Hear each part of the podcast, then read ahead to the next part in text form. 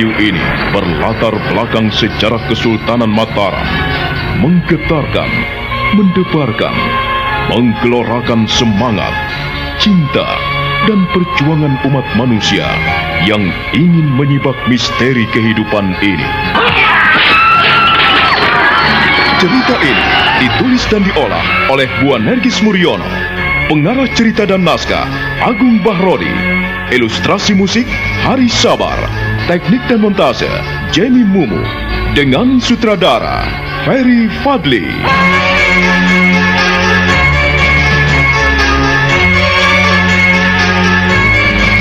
Wahyu Astabrata. Kali ini mengetengahkan episode ketujuh dengan judul Hati Harimau.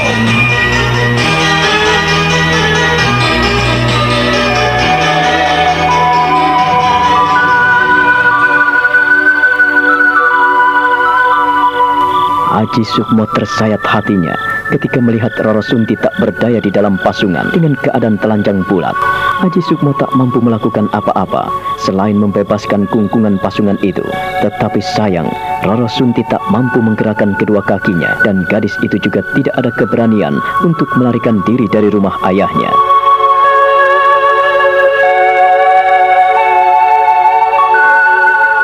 Roro Sunti.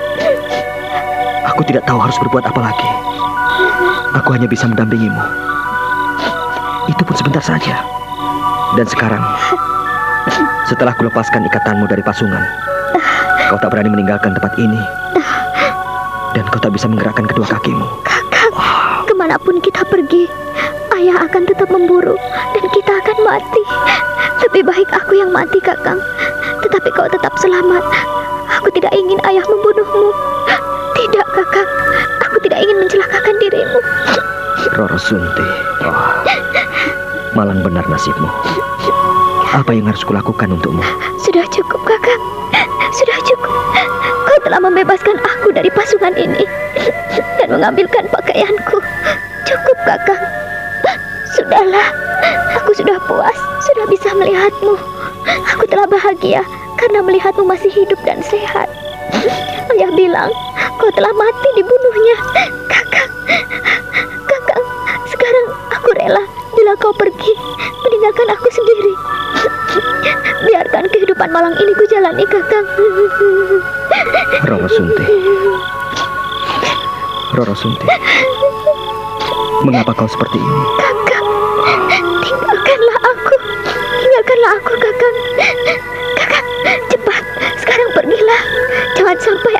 melihatmu dan menemukan kita berdua di sini. Roro Sunti. Roro Sunti.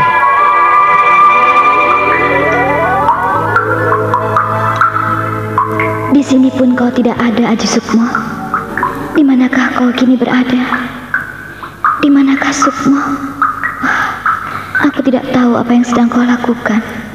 Kalau kau ingin menemukan Aji Sukmo, janganlah pergi ke mana-mana, Wulan. Datanglah kau ke Gua Terata dan tunggulah dia di sana. Maka kau akan menemuinya. Sebab ia ingin mendapatkan pusaka Nyai Sampur Jala Sutra itu. Aku tidak tahu, Kek. Berapa lama harus menanti kedatangannya? Ya, ia seperti anak ajaib yang memiliki pola pemikiran sendiri yang tidak bisa kita selami. Kau memintaku untuk menunggu di sini, tapi mana mungkin ia datang? Ah, aku tidak bisa berlama-lama di sini sendirian. Hanya berteman kelelawar.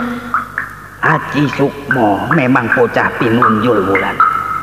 Tak ada seorang pun yang bisa menyelami hati dan pikirannya. Tidak juga aku dan kau. Untuk menghadapi lebih baik kita mengalah. Seperti pernah kau lihat dulu. Aku lebih banyak mengalah dalam menghadapinya. Sebab apabila aku mendiktinya sekalipun, ia tidak akan menyerah. Berlaku keras kepadanya pun, ia tidak akan menyerah Wulan. Dan kini, aku harus menghadapinya, Kek. Menunggunya dalam batas waktu yang tidak tertentu. Aku tak mungkin menunggunya di sini. Ah, Kek, baiklah aku akan mencoba ke Karanganyar. Aku akan mencarinya sampai ketemu.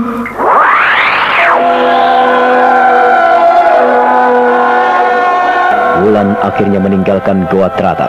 Ia tidak menemukan Aji Sukmo di sana. Dia menuju ke Karanganyar, ke tempat tinggal orang tua Aji Sukmo, ke tempat tinggal nenek dan kakek Aji Sukmo yang telah membesarkannya. Tetapi Aji Sukmo yang telah ia cari ke mana-mana saat ini telah kembali ada di alas Dowo bersama Nyai Sorok. Bagaimana dengan perjalananmu, Ger? Apakah kau berhasil? Hah? Tidak, Nek. Kasihan Roro Sunti. Oh, bagaimana keadaan gadis itu? Hah? Bagaimana? Apa yang telah terjadi padanya? Memprihatinkan sekali, Nek. Memprihatinkan? Iya. Memprihatinkan bagaimana? Coba, coba. Tolong jelaskan pada nenek. Apa yang telah dialami oleh Roro Sunti? Hah? Malang sekali.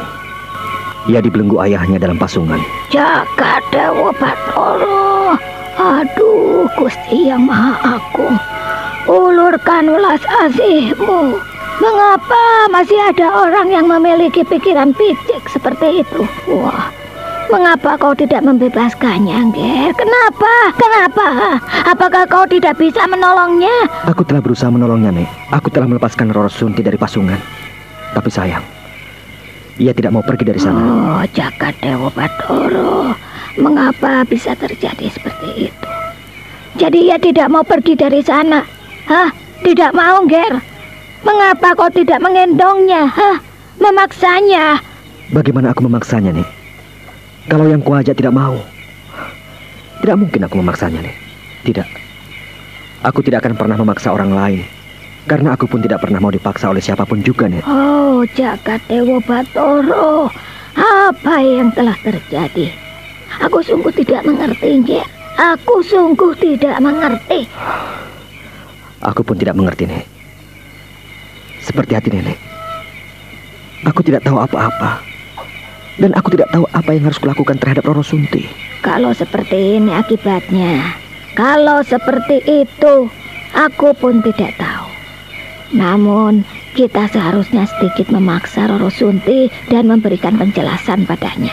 Aku telah berusaha menghiburnya. Dan aku berusaha menolongnya. Tetapi, ia tidak bisa.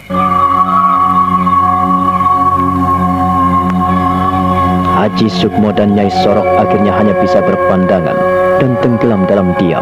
Mereka menelusuri detik-detik hening dan diam, sunyi dan sepi. Suasana di alas Dowo itu amat menggigit. Hanya selimut hitam yang menemani mereka dalam keheningan, sementara Roro Sunti yang dipikirkannya masih diam. Dan setelah berpakaian rapi, gadis itu hanya duduk di atas pasungan.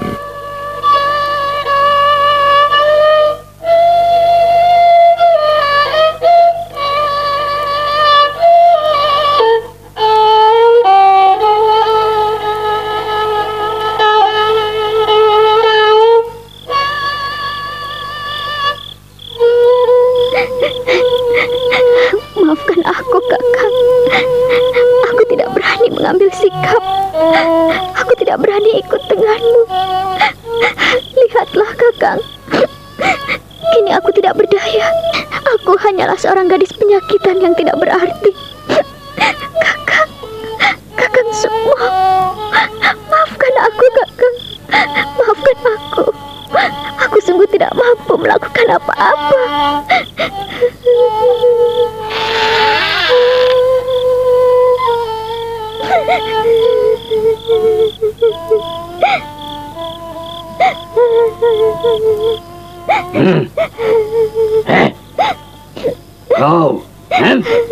siapa yang melepaskanmu, Roro Sunti? Hmm? Hmm? Jawab sekarang. Jangan sampai aku murka lagi kepadamu, bocah dungu. Siapa yang datang ke sini dan melepaskanmu, ha? Katakan. Katakan siapa? Katakan. Aku tidak tahu. Aku tidak tahu. Katakan padaku Roro Sunti, kau janganlah berbohong padaku. Kalau kau tidak ingin celaka, katakanlah. Katakanlah pada ayahmu apa yang telah terjadi selama aku pergi dan selama kau ada di rumah. Hmm? Aku tidak tahu, ayah. Tidak terjadi apa-apa di sini, ayah. Roro Sunti, aku berkali-kali mengingatkanmu. Kau tidak juga kapok. Kau tidak juga insaf dan kau masih menentangku, Roro Sunti. Siapa yang melepaskanmu? Siapa? Ayo siapa? Hah? Aku tidak tahu, ayah. Aku tidak tahu. Dan tidak mungkin pasungan sebesar ini bisa terlepas begitu saja tanpa ada yang mengangkatnya dan menolongmu mengangkat dari pasungan ini.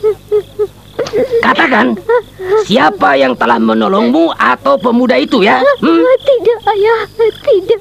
Sekali lagi dengarkan baik-baik pertanyaanku. Dan apabila kau tidak menjawab pertanyaanku, aku bisa membunuhmu, Roro Sunti. Ayah, aku tidak tahu. Aku tidak tahu. Tiba-tiba ada angin. Ada suara yang melepaskan kayu ini. Tiba-tiba terbuka. Bohong, bohong. Kau lagi-lagi berbohong padaku, Roro Sunti. Hah? Dan pura-pura ingin meyakinkan aku begitu. Ah, ternyata tidak ada artinya kejujuranku kepadamu dan kau balas semua kejujuranku dengan kebohongan dan dusta. Siapa yang melepaskanmu? Katakan kepada aku dan kalau kau tidak mengatakannya, aku benar-benar akan membunuhmu. Ayah, aku tidak tahu, ayah. Aku tidak tahu. Kalau kau benar-benar tidak tahu, tentu saja kau tidak ketakutan seperti setan. Apakah aku ini seperti gendruwo? Hah? Apakah aku ini seperti iblis yang menakutkanmu sehingga aku bertanya kepadamu dan kau tak mampu menjawabnya? Kau benar-benar memuakan. Kau telah menipuku, Roro Sunti. Kau telah belajar dusta kepadaku. Hm, Sekarang aku tahu. Kau ada yang melepaskan dan membebaskan. Hah? Sekarang katakan cepat. Sekali lagi. Untuk kesekian kalinya aku bertanya kepadamu. Siapa yang melepaskanmu? Siapa yang membuka pasungan ini? Katakan siapa, ayo. Ayah, Apa? jika ayah sekarang tidak percaya lagi padaku, pasunglah aku lagi, ayah. Pasunglah. Tidak ada yang ku ketahui siapa yang melepaskan aku. Hanya dunia gaib, ayah. Hanya dunia gaib. Pasunglah aku. Bunuhlah aku bila kau mau. Bunuhlah aku, ayah. Bunuh. Bunuh aku. Kisrenggi benar-benar geram. Dia mengangkat kayu pasungan dan membantingnya ke tanah. Kisrenggi lalu melotot. Matanya berapi-api memandang putrinya. Roro Sunti menggigil. Namun dia berusaha untuk mengangkat wajahnya. Matanya berkaca-kaca dan air mata pun membanjiri kedua pipinya. Gadis itu berusaha untuk menentang ayahnya.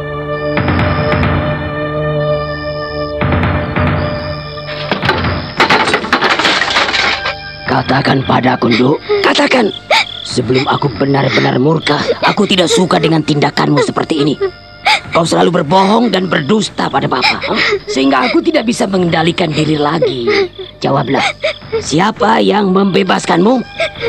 Ayo, Sunti tidak tahu. Tidak tahu. orang ajar. Kau harus memasungmu lagi. Duduk, duduk.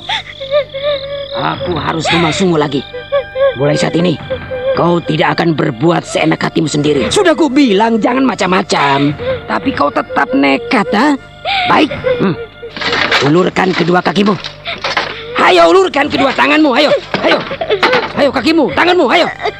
Hmm. Hmm. Sekarang tahu rasanya bagaimana kedua tangan dan kakimu kupasung seperti ini.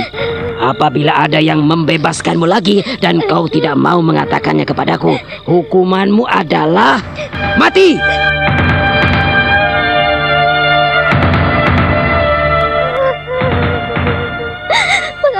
Tega sekali padaku? Mengapa? Mengapa kau tega sekali, ayah? Karena kau yang memaksaku agar aku tega kepadamu, Roro Sunti. Bukankah aku selama ini menyayangimu? Hah? Namun sedikit pun kau tidak mau tahu dengan apa yang telah kulakukan kepadamu hingga aku menjadi sebal. Ha? Aku menjadi benci kepadamu dan aku tidak akan membiarkanmu hidup seenakmu sendiri dan sekarang kau tidak bisa bebas dari sini. Hmm. Gusti, tolonglah aku. Berikan kekuatan padaku. Alah, berserulah dan berteriaklah dan tidak ada orang yang mendengarkanmu Roro Sunti karena mereka akan ketakutan jika mendengar nama Ki Serenggi. Hah?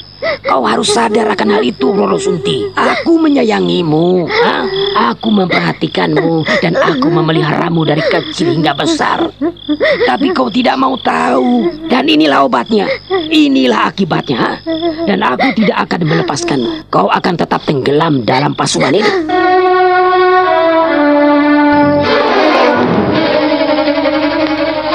Mengapa kalian malam-malam datang ke sini? Hah? Ada apa? Uh, uh, perkenankanlah saya lapor pada Pak Lurah. Iya, perkenankanlah kami lapor sesuatu Pak Lurah. Iya, katakan ada apa? Nampaknya kalian memikirkan sesuatu. Ayo, katakanlah. Uh, Pak Lurah, mm, uh, kami mau minta tolong. Uh, uh, sepupu saya. Uh, ah, bicaralah dengan tenang, dok. Nah, jangan gugup. Sampaikan sebaik-baiknya. Kau tidak perlu takut padaku. Ayo. Uh, ya, mm, saya mohon Pak Lurah melakukan sesuatu. Roro Sunti saat ini dipasung oleh ayahnya. Iya, Pak Lurah. Pak Lurah harus melakukan kebijakan padanya. Kalau tidak, kasihan. Apakah Pak Lurah tega Paman Serenggi membunuh anaknya sendiri? Bukannya aku tidak mau melakukan sesuatu, Dok. Tetapi apa yang dilakukan Ki Serenggi itu wewenangnya. Aku tidak bisa berbuat apa-apa. Tapi Bapak adalah penguasa di desa sini. Bisa mengerahkan seluruh pamung praja untuk menggebrak Kisrenggi agar membebaskan anaknya. Loh, oh, oh, oh, begitu toh. Lah, kalau itu yang kalian minta, jelas aku tidak bisa. Sebab apa yang dilakukan seseorang di dalam rumahnya selama tidak mengganggu orang lain, itu haknya. Kita tidak bisa menghalang-halanginya, termasuk aku. Tetapi, Kisrenggi selalu menganiaya anaknya. Jadi Pak Lurah harus melakukan sesuatu. Iya, Paman berlaku kasar pada Roro Sunti. Kita harus mengingatkannya kita harus datang rame-rame, Pak Lurah. Kalau kita datang rame-rame, memasuki rumah Kisrenggi, mengepungnya sekalipun, itu tidak ada artinya. Malah bisa menimbulkan malapetaka besar. Pak Lurah harus melakukan sesuatu. Kalau tidak, tidak ada yang bisa kami lakukan, ah, Pak Lurah. Yang jelas, untuk menangani Kisrenggi, aku tidak bisa ikut campur urusan rumah tangganya. Apa yang dilakukannya, tentu saja terserah apa yang diinginkannya. Aku ini apa? Hah? Tidak punya wewenang mengatur hidup seseorang, termasuk keluarga Kisrenggi. Tetapi paman telah keterlaluan, Pak. Ia menyiksa anaknya dan memasung anaknya sendiri yang tidak bersalah. Tidak bersalah? Hah. Entahlah, aku sendiri tidak tahu masalah itu. Yang jelas, kalau Kisrenggi melakukan sesuatu, pasti ada sebab musababnya. Saat ia membunuh Podang dan Doro pun ada sebabnya. Karena Doro telah melanggar aturan di mana ia mengganggu anak gadisnya. Pak Lurah seperti tidak tahu saja. Kisrenggi selalu memakai Roro Sunti untuk umpan. Iya, betul Pak Lurah. Pak Lurah harus melakukan sesuatu. Tunggu, tunggu. Kalian jangan sembarangan menuduh. Siapa yang memakai anaknya sendiri sebagai umpan? Hah? Siapa? Tidak, tidak. Kisrenggi pasti tahu apa yang patut dilakukannya. Kalian tidak perlu memikirkan mereka. Sudahlah, jangan dipikirkan. Uh, bagaimana kami tidak memikirkannya, Pak Lurah? Teman kami sendiri yang menjadi korbannya. Apa tidak boleh kami memikirkannya? Kami mohon kebijaksanaan Pak Lurah agar ikut campur dan turun tangan untuk mengatasi permasalahan Roro Sunti. Kalau tidak, ia bisa mati di tangan ayahnya sendiri, Pak Lurah. Pak Lurah memandang Roro Semi dan Sirih yang seolah-olah menghakiminya dan menyalahkannya. Namun ia memang tidak bisa berbuat apa-apa dan memang tak akan mengulurkan tangan atas masalah Roro Sunti. Kemudian Roro Semi dan Sirih pun meninggalkan rumah Pak Lurah dengan kecewa. Ia lalu menemui Sukmo dan menungguinya di perempatan jalan di sudut desa Tratap. Bagaimana Semi? Sirih? Uh, kau pasti bisa membaca kami. Iya, kau pasti tahu. Kami datang dengan kekecewaan. Kami gagal, Sukmo. Kalau begini caranya, semakin sulit. Apakah kau tidak bisa melakukan sesuatu? Aku telah berusaha menolong Roro Sunti, tetapi ia sendiri tak mau melakukan apa-apa. Ia tak mau pergi dari sana. Jadi kau telah menolongnya? Kapan, Sukmo? Aku telah berusaha untuk menolongnya. Aku membuka pasungan di kakinya. Tetapi Roro Sunti tidak mau kuajak pergi. Ia tak berani menentang kehendak ayahnya. Ia masih ingin tetap di sana. Apa pun yang terjadi. Atau barangkali ia sudah tak bisa berpikir jernih. Tuh, seandainya kau mengajak kami, kami pasti bisa membawanya pergi. Mungkin kalian sudah tidur saat aku melakukannya. Tetapi percayalah, kita akan mencari jalan keluar yang terbaik, cepat atau lambat. Kau percaya akan mampu menolongnya, Sukmo?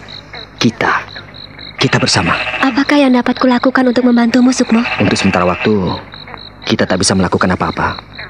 Karena Kisrenggi selalu ada di rumah. Tugas kalian adalah mengawasi gerak-gerik Kisrenggi. Mengawasinya Iya. siang dan malam. Iya, kau, Rosmi, bisa giliran dengan kau, Siri. Jika malam hari, mungkin Siri bisa mengawasi dari kejauhan. Kalau siang, tugas Musmi. Atau giliran.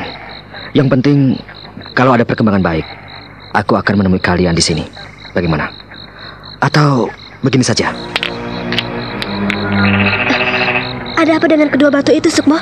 Gampang saja. Kalau Kisrenggi ada di rumah, batu ini kau tumpuk. Tetapi kalau dia tak ada di rumah, batu ini bisa kau letakkan terpisah. Bagaimana? Iya, kami setuju. Iya, kami setuju. Nah, sekarang kembalilah ke rumah. Hari sudah semakin malam. Kau sendiri mau ke mana? Aku tidak punya tempat tinggal menetap. Ketahuilah, rumah kami telah dibakar.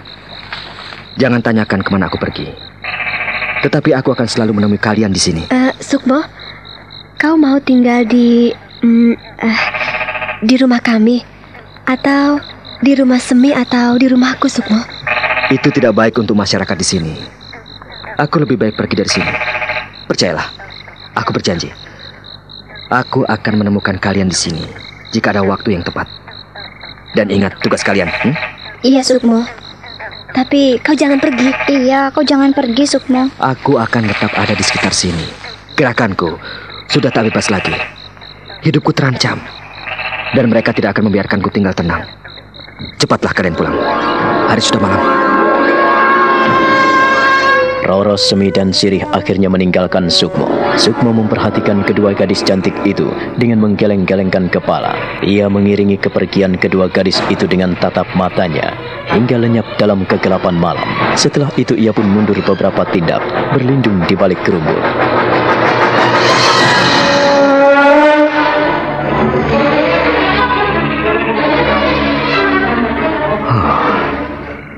Mereka begitu besar memperhatikan Roro Sunti. Artinya bukan hanya aku saja. Mereka pun turut bersedih atas musibah yang dialami kekasih hatiku. Oh, Sunti. Aku akan menolongmu apa pun yang terjadi. Tetapi tunggulah waktu yang tepat.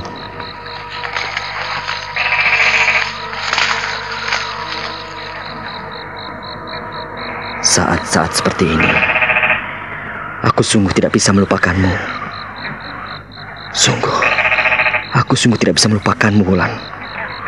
Ya, aku teringat kepadamu. Bagaimana kau mengungkapkan arti sebuah persahabatan. Arti bagaimana kita berteman dan bersaudara.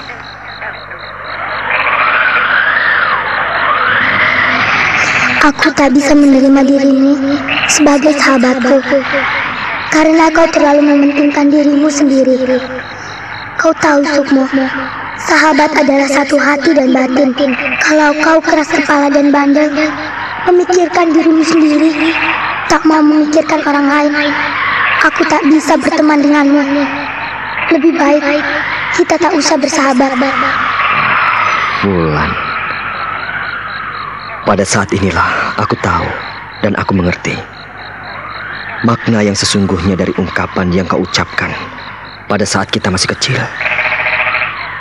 Ya, aku tak menduga kau memiliki pemikiran yang amat dalam sejauh itu. Ah, Sungguh tak kuduga pada saat aku mulai dewasa. Aku baru mengetahui ungkapan-ungkapanmu.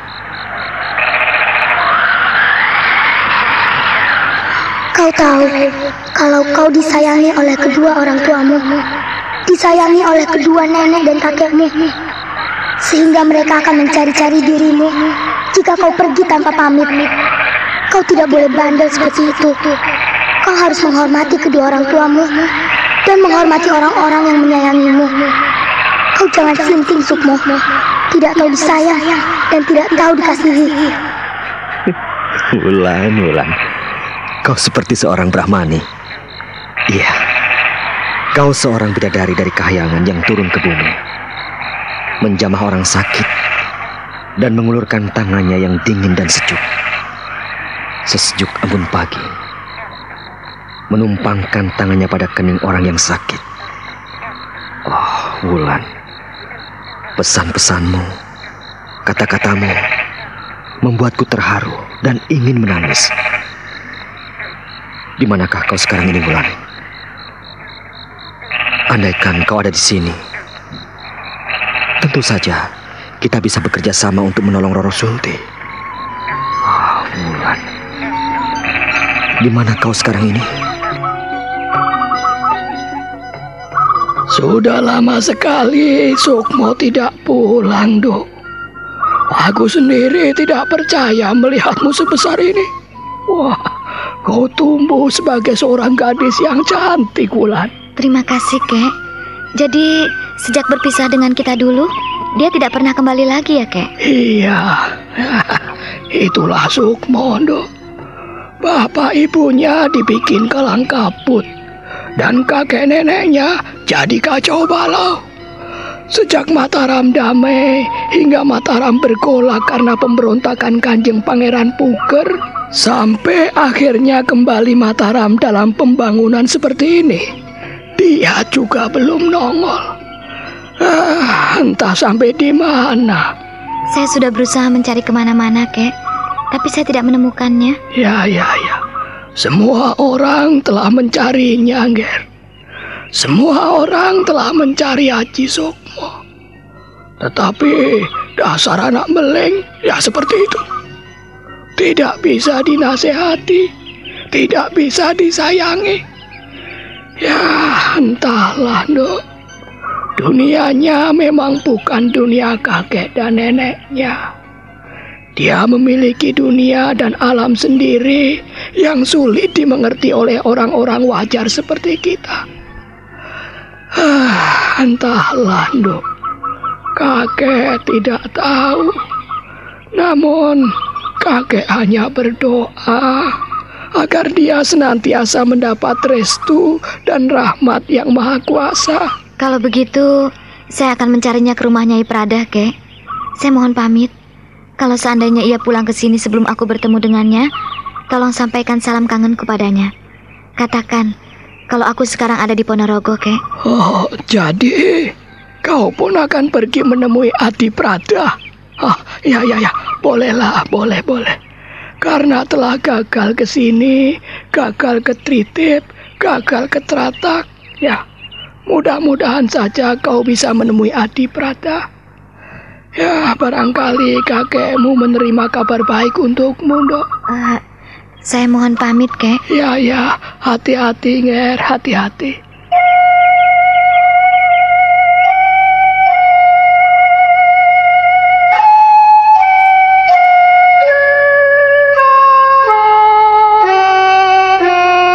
Wulan memberikan hormat dan mencium punggung tangan Ki Wulung. Lalu dia mundur beberapa tindak dan meninggalkan lelaki tua itu dengan hati sedih memikirkan sahabatnya. Ki Wulung memandang kepergian gadis cantik itu dengan hati terharu. Matanya berkaca-kaca. Bayang-bayang Wulan akhirnya lenyap di tikungan jalan.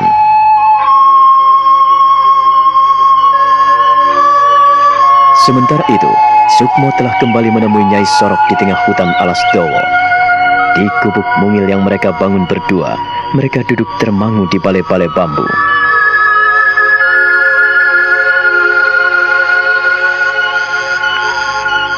Tak ada jalan yang lain selain menghadapi Kisrengki dengan kekerasan, Sukmo. Aku tak mungkin melakukannya, Nek. Itu bila kau tetap nekat membebaskan Roro Sunti dari cengkraman ayahnya. Aku belum berpikir sejauh itu, Nek. Jalan kekerasan hanya bisa kita tempuh Bila kita telah terpaksa, kekerasan tidak menyelesaikan masalah, tapi menimbulkan persoalan baru. Oh iya ya, kau benar, Ger. Kekerasan memang jawaban terakhir. Lebih-lebih jika sudah menyangkut nyawa manusia. Ya, aku akan bertarung jika tak ada jalan lain yang terbaik. Demikian pula dalam upaya menolong Roro Sunti. Tapi nenek berpesan kepadamu. Ah, bagaimanapun juga Roro Sunti adalah hak dan kewajiban Kisrenggi. Iya, Nek. Tapi Dengarkan dulu. Roro Sunti adalah tanggung jawab Kisrenggi. Jadi, disayang atau dibenci, dikasihani ataupun dibunuh, kita sebetulnya tidak berhak melakukan apa-apa. Nek, Hak sepenuhnya ada pada Kisrenggi. namun tindakan biadab itu tidak bisa kuterima begitu saja. Ya, ya, nenek ngerti. Ada percikan dalam hatiku untuk membebaskan Roro Sunti. Aku tidak rela ia hidup disiksa ayahnya seperti itu. Oh, sayang. Aku gagal mengajaknya pergi dari rumahnya. Ada kekuatan aneh. Sejak kau pergi, hati nenek sudah tidak enak. Nenek merasakannya. Apakah yang nenek rasakan saat aku pergi? Jika nenek merasakan ganjalan seperti itu, artinya kau menghadapi permasalahan berat, Ger. Nenek tahu sebelumnya. Ya, nenek tak bisa membantumu. Karena kau sendiri yang tahu persis persoalan Roro Sunti. Aku akan menghadapinya, Nek. Tapi kau minta kau berhati-hati. Perlu waktu dan kesempatan yang baik untuk membebaskan gadis itu. Dia dipasung, dianiaya, ditelanjangi. Oh, biadab sekali. Biadab. Pemasungan hanya pantas dilakukan untuk orang gila. Nek, aku khawatir sekali kalau Kisrenggi membunuh Roro Sunti. Roro Sunti itu bukannya nyamuk, Ger. Tak mungkin Kisrenggi membunuhnya. Lagi pula siapa ada orang tua yang tega membunuh anaknya? Banyak, Nek. Tidak sedikit orang-orang yang tega membunuh anaknya sendiri. Pada masa pemerintahan Raja di Raja Singosari, bukankah telah terjadi bunuh-membunuh di antara mereka? Sejak masa Ken Arok muncul di Tumapel, pembunuhan itu telah dimulai. Itu sejarah hitam dalam lembaran perjuangan manusia, Angger. Sejarah Tumapel hanyalah rangkaian kisah manusia yang senantiasa terulang dan berulang. Itulah yang menghantui aku, Nek. Tapi kau pun perlu tahu, rangkaian dan pengulangan masih bisa ditanggulangi. Lebih-lebih jika sudah menyangkut lingkaran hidup. Lingkaran hidup. Ya, lingkaran hidup. Kehidupan adalah lingkaran perulangan. Ya, hidup adalah suatu keajaiban. Inilah lingkaran yang harus kita cari titiknya. Kau tahu di mana awal dan akhir sebuah lingkaran? Nenek mengingatkan aku pada apa yang diucapkan kakek Guno. Tak seorang pun yang mengetahui awal dan akhir sebuah lingkaran. Awal dan akhir sebuah lingkaran hanya diketahui oleh pelukisnya sendiri. Itulah hidup, itulah kehidupan. Hidup dan kehidupan ini adalah keajaiban. Kehidupan akan berakhir, tetapi hidup akan selalu ada. Itulah alam manusia yang selalu diselimuti oleh misteri.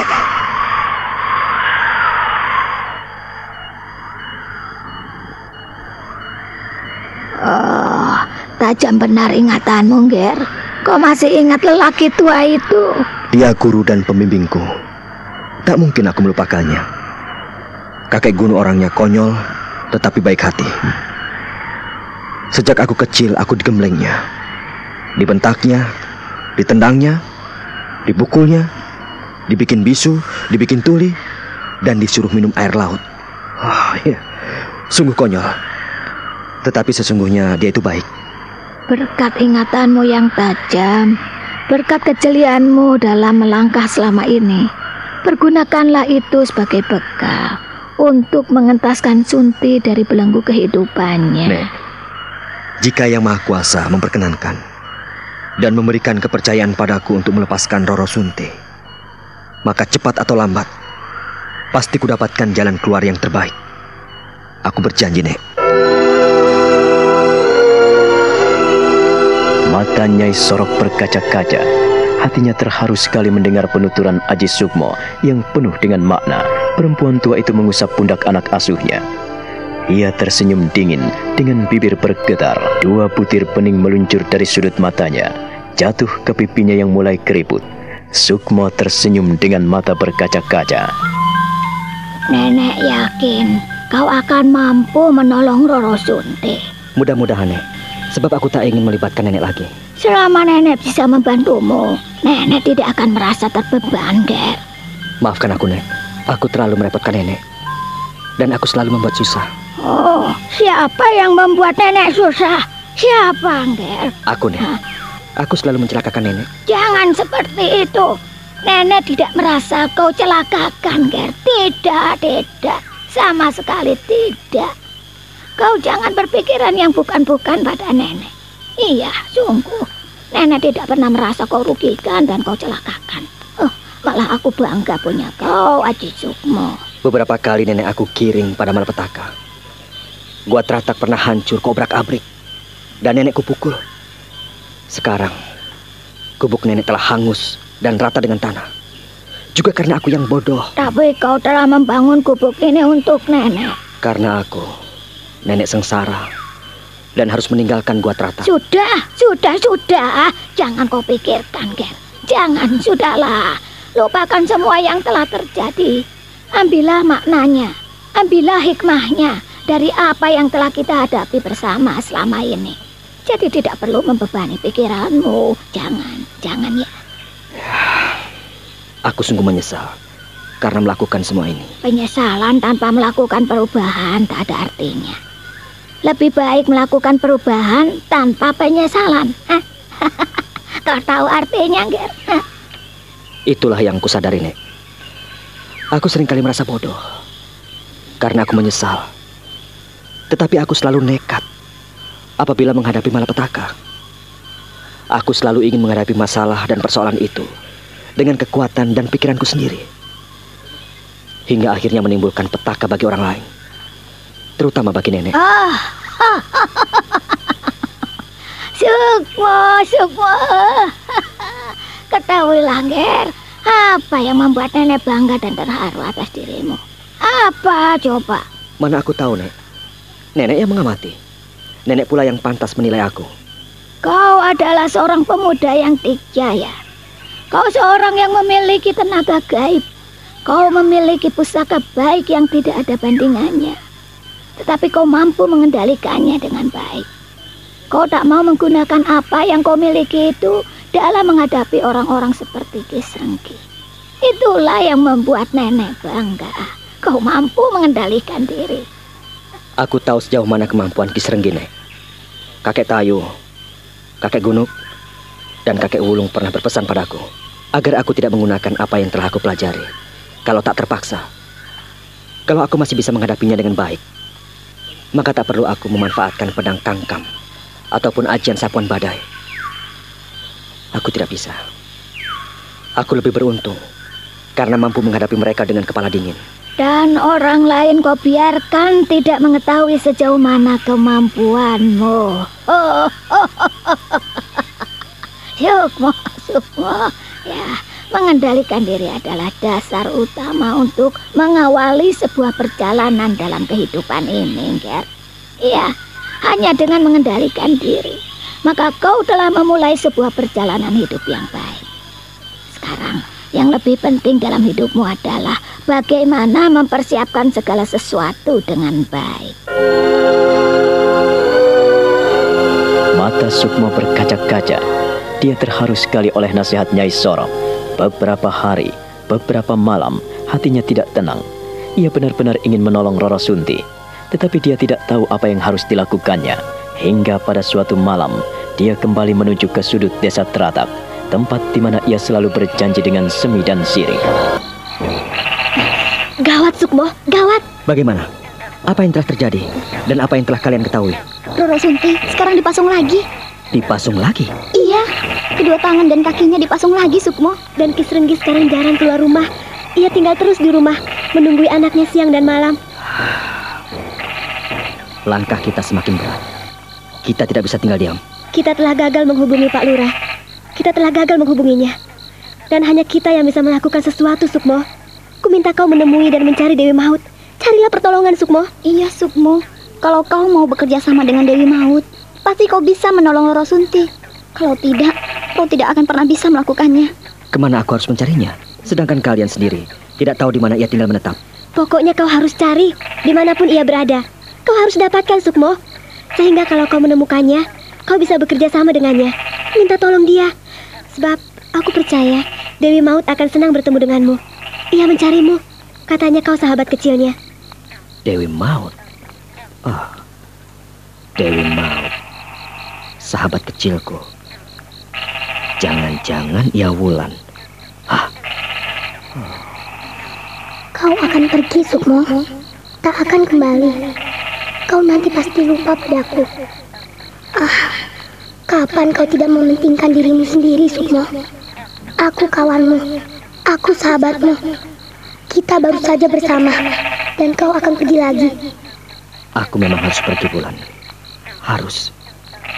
Tapi aku akan tetap ingat kepadamu. Sampai sekarang pun aku masih ingat kepadamu. Wulan. Aku selalu mengingatmu. Ah, kau. Kau. Mengapa kau bicara sendiri, Sukmo? Apakah kau tidak menganggap kami sebagai kawan-kawanmu? Uh, uh, kau mulai aku... sibuk dengan dirimu sendiri. Uh, tunggu dulu, tunggu dulu. Uh, bagaimana ciri-ciri gadis itu? Apakah kalian masih mengingatnya? Uh, kau memikirkannya? Memikirkan Dewi Maut? Uh, bukan, bukan. Uh, tapi aku berusaha mengingat-ingat semua sahabat kecilku. Tapi aku tak pernah punya kawan bernama Dewi Maut. Uh, kalian ingat ciri-cirinya? Ya, wajahnya cantik sekali. Rambutnya panjang dan diikat, disanggul. Dan ia membawa pedang. Pakaiannya rapi, tapi sederhana. Ya, kami tidak bisa melukiskan keindahannya. Ia memiliki gerakan yang gesit, lincah, dan matanya bercahaya. Berbinar-binar menunjukkan kecerdasannya. Aku percaya kalau kau ketemu dengan dia, kau pasti kesemsem. Kau bilang apa lagi? Aduh, masalah kita semakin berat. Tapi memang begitu. Bukankah kau ingin mencarinya? Jadi kau harus tahu ciri-cirinya. Iya. Aku akan mencoba mencarinya untuk menolong Roro Sunti.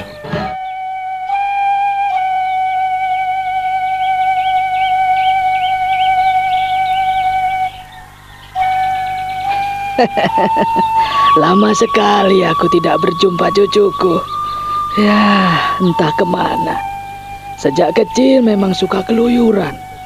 Dan dengan kami, Haji Sukmo kurang begitu akrab. Jadi, ya, kami tidak tahu entah ke mana anak itu. Jadi, kakek Prada sama sekali tidak pernah menemukan Sukmo? Tidak pernah jumpa dia? Ya, itu Lando. Aku sendiri bingung sebagai seorang kakeknya. Kupikir Raji Sukmo selalu tinggal bersama Kakang Wulung. Tapi nyatanya, Kakang Wulung pun tidak pernah tahu ke mana bocah itu pergi. Aku khawatir kalau ia ikut menjadi korban bencana di Mataram. Maksud kakek? Kau sendiri telah tahu, dong. Waktu keker Demak Bintoro, saat pemberontakan Pangeran Puker yang cukup lama, tentu saja mencemaskan semua orang.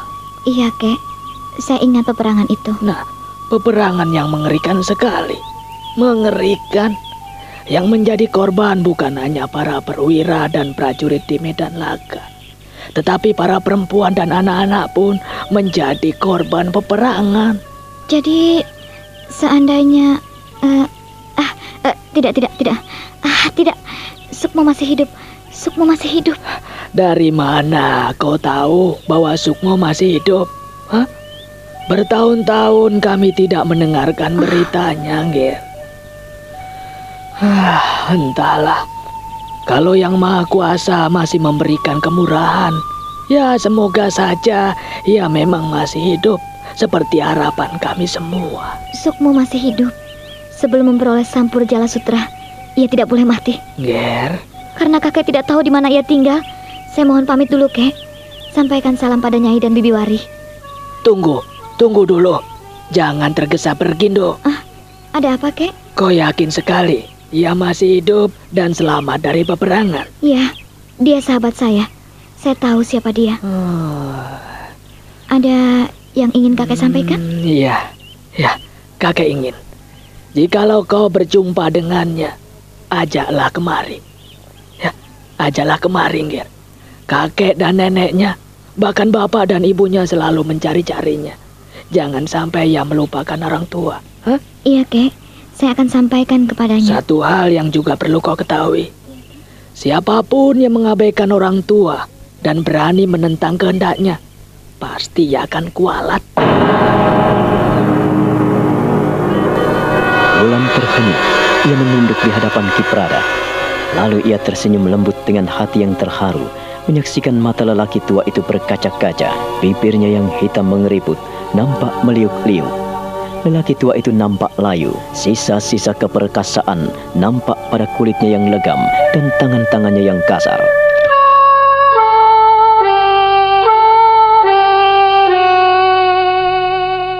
Kakek pun tidak tahu ke mana ia pergi Wulan. Ya, hanya itu yang bisa kusampaikan kepadamu. Kalau ia ketemu denganmu, tolong katakan kepadanya, suruh dia pulang. Sebab bagaimanapun juga kami mengharapkan kehadirannya. Sudah cukup lama ia meninggalkan kami, entah ke mana. Saya akan berusaha mencarinya, kek. Ya, saya pun ingin sekali bertemu dengannya. Cukup lama saya mencarinya, kek. Iya, kalau ketemu. Kalau tidak, juga tidak apa-apa, Bulan. Karena ya, yang namanya orang pergi tanpa arah dan tujuan. Tentu saja belum pasti ketemu apabila dicari. Saya ikut prihatin atas apa yang telah dilakukan oleh Sukmo. Ah, memang dasar bocah bandel. Iya, iya. Sebandel-bandelnya Sukmo. Kau sudah tahu, sejak kecil katanya kau selalu bersama dan tidak pernah berpisah. Ah, sudahlah, Nger. Pergilah. Hanya itu pesanku. Tidak ada yang lain. Dan maaf, apabila saya tidak bisa memberikan apa-apa kepadamu. Saya mohon pamit, kek. Kau sungguh keterlaluan, Sukmo. Tega sekali kau pada orang-orang yang mencintaimu. Pergi terlalu lama tanpa berita. Kasihan sekali. Kakek Prada, kakek Wulung, nenek dan kakekmu. Kasihan sekali. Lalu bagaimana dengan ayah dan ibumu? Apakah juga tidak mau tahu dengan kepergianmu?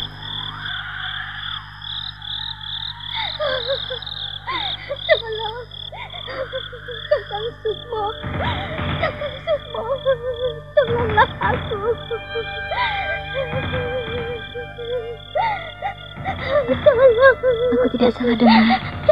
Aku mendengar tangisan seseorang. Jeritan seorang perempuan. Oh, Lepaskan aku. Lepaskan aku. Lepaskan. Bebaskan aku. Bebaskan.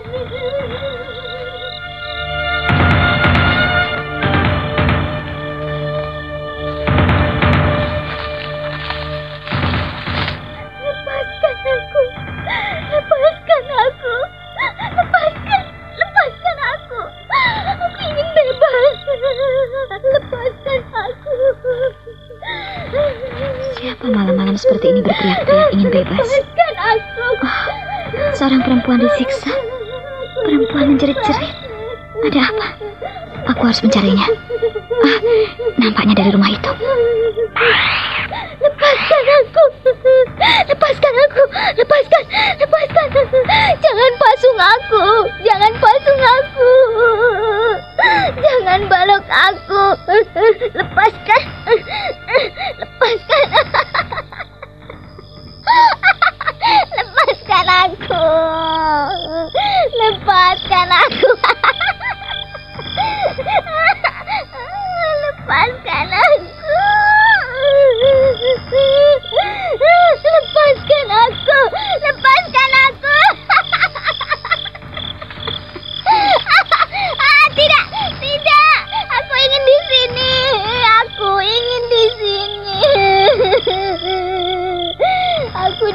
Sendiri.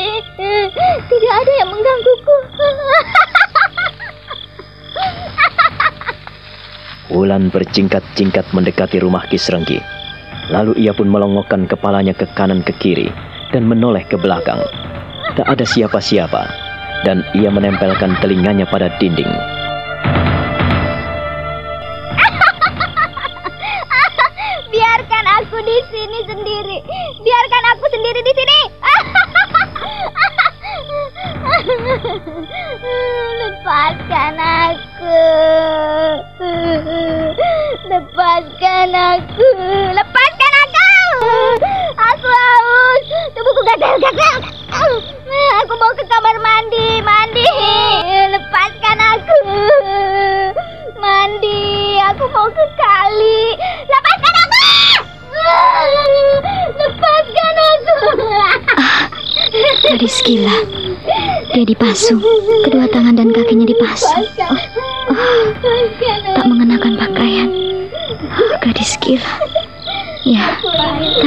Tidak mengenakan baju? Apakah orang tuanya tidak ada? Aneh. Aneh sekali. Ada keganjilan. Ada keganjilan di sini. Siapa? Siapa? Ayo, ayo. Jangan intip aku. Ayo, ayo.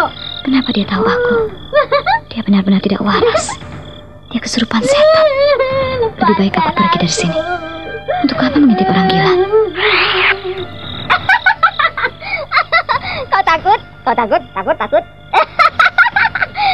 Takut padaku.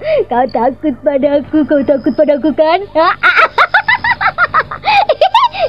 takut, takut. Lepaskan aku. Lepaskan aku. Lepaskan aku. Lepaskan aku. Rara Sunti, malang benar nasibmu. Apakah Sukmo tahu kalau Sunti menjadi gila? Mana aku tahu. Kita sendiri sudah lama tidak ketemu. Dia juga menghilang begitu saja. Kan dia mencari Dewi Maut. Salah sendiri. Kau menyuruhnya. Aku dulu melarangnya, tapi kau desak. Tidak ada harapan lagi buat sepupuku. Ia mengalami nasib yang malang. Ah, kasihan sekali Kak Sunti. Ah, Roro Sunti, gadis cantik yang malang. Andaikan bapakmu tidak seperti itu, tentu saja kau tidak seperti itu. Bagaimana kau bisa menyesali semua itu, Semi? Semuanya telah terjadi, dan hal itu diinginkan pamanmu. Kau tidak bisa menyesali semua ini. Percuma kan? Menyesal tetapi tidak melakukan perubahan. Percuma kan? Lebih baik bertobat, tapi tidak menyesal. Daripada menyesal, tetapi tidak melakukan perubahan apa pun. Ya kan? Hmm, aku hanya bisa bersedih, Siri. Karena aku tidak tahu apa yang harus kulakukan untuk sepupuku. Seharusnya aku bisa melakukan sesuatu yang berguna untuknya. Kita sudah berusaha semampu kita, Semi. Tapi ya, kalau pamanmu sendiri menghendaki begitu, apakah bisa kita tolak? Ah, sudahlah, kau tidak perlu bersedih. Kau pikir aku pun tidak bersedih? Apa yang telah kita lakukan selama ini sia-sia sekali, Siri. Hmm, keterlaluan. Paman memang keterlaluan.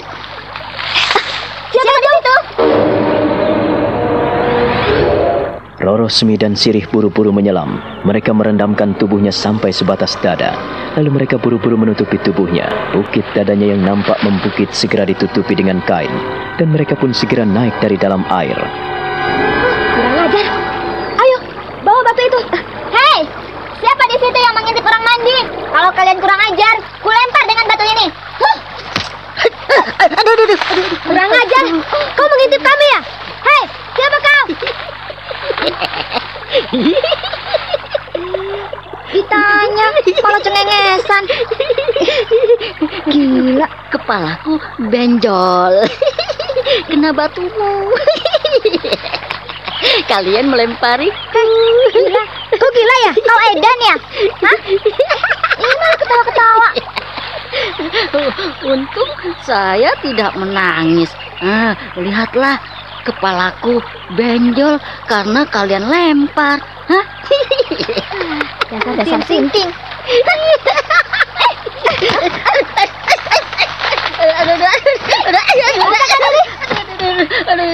Jangan lempar aku. Mampus kau. Jangan, Mampus kamu. Kurang ajar. Mengintip orang mandi. Kurang ajar kamu. Gak tahu malu. Tahu malu. Kurang ajar. Mampus kamu. Mampus kamu ini.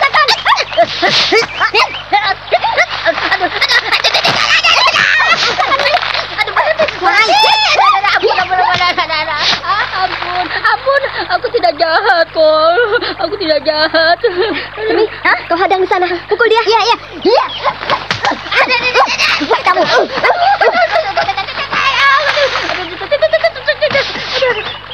Hei, mau ke mana kau? Eh, mau ke mana kamu? Hei, Eh, jangan lari ya. Mau ke mana kau? Kau harus menerima upahmu orang jelek. Kau benar-benar tak tahu malu. Ampun, ampun, ampun. Tidak ada ampun bagimu. Lihat, apa yang ada di kedua tanganku ini? Dan apa yang kugenggam ini orang Edan? Ampun, aku tidak salah. Rasakan ini. Rasakan. Aduh, aduh, aduh. Sirih dan Roro Semi ngamuk Keduanya langsung bertubi-tubi melempari pemuda linglung dengan batu sekepal tangan. Kedua gadis itu tak memberi ampun. Namun aneh, pemuda linglung itu hanya berloncat-loncat. Sesekali batu lemparan mereka pun mengenai tubuhnya. Namun pemuda linglung itu hanya meringis-ringis, lalu menghindar, bahkan mendekat ingin memberikan perlawanan. Nah, apa yang akan dilakukan oleh pemuda linglung itu selanjutnya?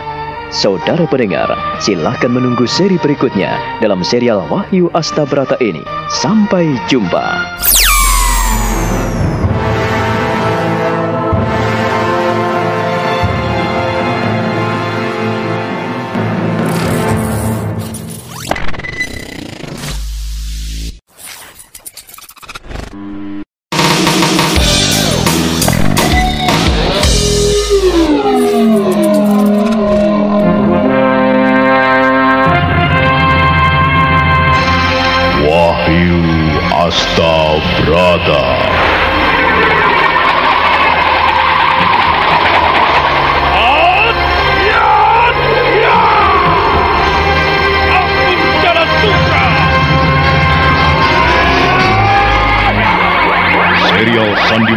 Radio ini berlatar belakang sejarah Kesultanan Mataram, menggetarkan, mendebarkan, menggelorakan semangat, cinta, dan perjuangan umat manusia yang ingin menyibak misteri kehidupan ini.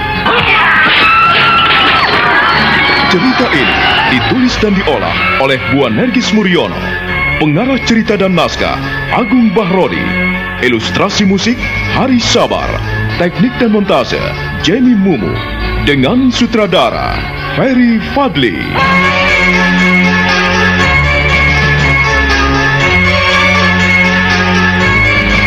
Wahyu Astabrata.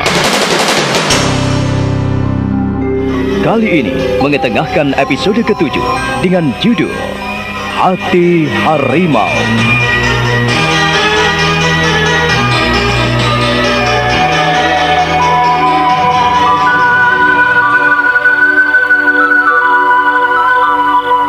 Haji Sukmo tersayat hatinya ketika melihat Roro Sunti tak berdaya di dalam pasungan dengan keadaan telanjang bulat. Haji Sukmo tak mampu melakukan apa-apa selain membebaskan kungkungan pasungan itu. Tetapi sayang, Roro Sunti tak mampu menggerakkan kedua kakinya dan gadis itu juga tidak ada keberanian untuk melarikan diri dari rumah ayahnya.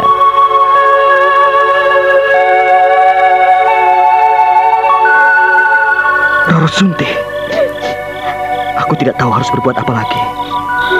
Aku hanya bisa mendampingimu. Itu pun sebentar saja. Dan sekarang, setelah kulepaskan ikatanmu dari pasungan, kau tak berani meninggalkan tempat ini. Dan kau tak bisa menggerakkan kedua kakimu. Ke mana pun kita pergi, ayah akan tetap memburu dan kita akan mati. Lebih baik aku yang mati, Kakang. Tetapi kau tetap selamat. Aku tidak ingin ayah membunuhmu. Aku tidak ingin mencelakakan dirimu. Roro Sunti. Oh, malang benar nasibmu. Apa yang harus kulakukan untukmu? Sudah cukup, Kakang. Sudah cukup. Kau telah membebaskan aku dari pasungan ini dan mengambilkan pakaianku. Cukup, Kakang. Sudahlah. Aku sudah puas, sudah bisa melihatmu. Aku telah bahagia karena melihatmu masih hidup dan sehat. Ayah bilang kau telah mati dibunuhnya. Kakang, kakang, sekarang aku rela bila kau pergi meninggalkan aku sendiri. Biarkan kehidupan malang ini ku jalani, kakang. Roro Sunti. Roro Sunti. Mengapa kau seperti ini? Kakang, tinggalkanlah aku. Tinggalkanlah aku, kakang. Kakang, cepat. Sekarang pergilah. Jangan sampai ayah melihatmu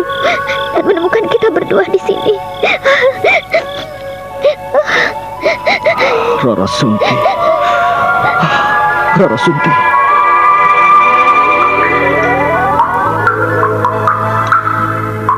sini pun kau tidak ada, Aji Sukmo.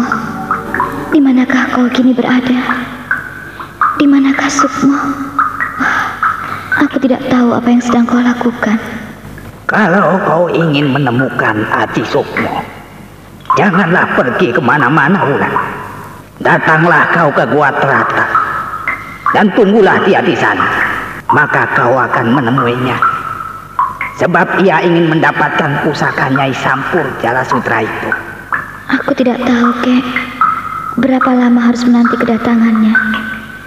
Ya, ia seperti anak ajaib yang memiliki pola pemikiran sendiri yang tidak bisa kita selami. Kau memintaku untuk menunggu di sini, tapi mana mungkin ia datang? Tidak bisa berlama-lama di sini sendirian. Hanya berteman kelelawar. Haji Sukmo memang bocah pinunjul bulan. Tak ada seorang pun yang bisa menyelami hati dan pikirannya.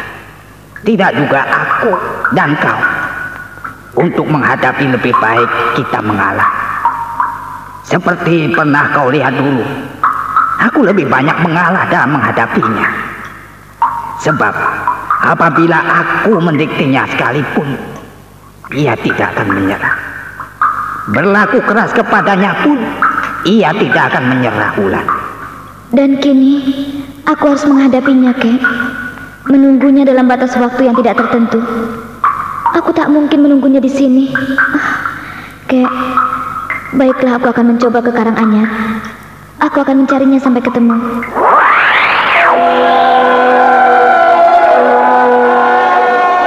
Wulan akhirnya meninggalkan Goa Teratak. Ia tidak menemukan Aji Sukmo di sana. Dia menuju ke Karanganyar, ke tempat tinggal orang tua Aji Sukmo, ke tempat tinggal nenek dan kakek Aji Sukmo yang telah membesarkannya. Tetapi Aji Sukmo yang telah ia cari ke mana-mana saat ini telah kembali ada di Alas Dowo bersama Nyai Soro.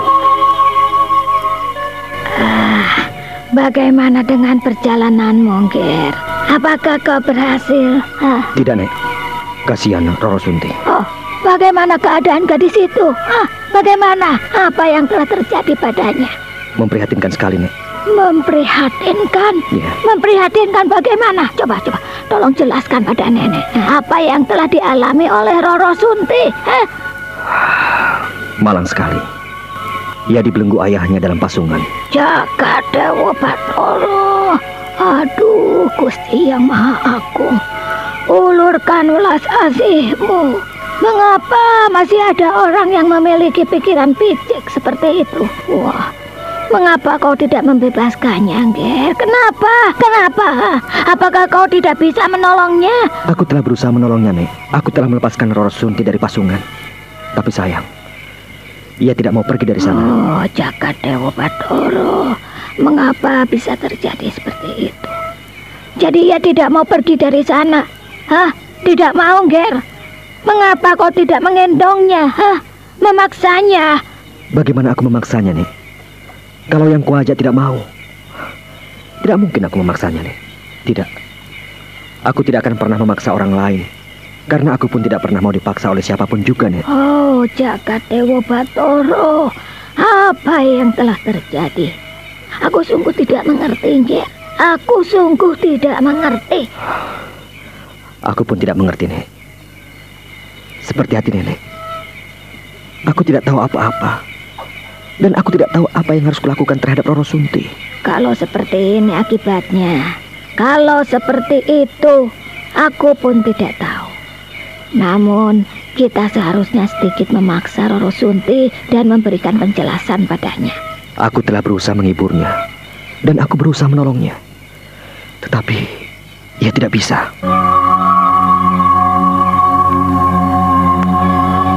Haji Sukmo dan Nyai Sorok akhirnya hanya bisa berpandangan dan tenggelam dalam diam. Mereka menelusuri detik-detik hening dan diam, sunyi dan sepi. Suasana di alas Dawa itu amat menggigit. Hanya selimut hitam yang menemani mereka dalam keheningan, sementara Roro Sunti yang dipikirkannya masih diam, dan setelah berpakaian rapi, gadis itu hanya duduk di atas pasungan.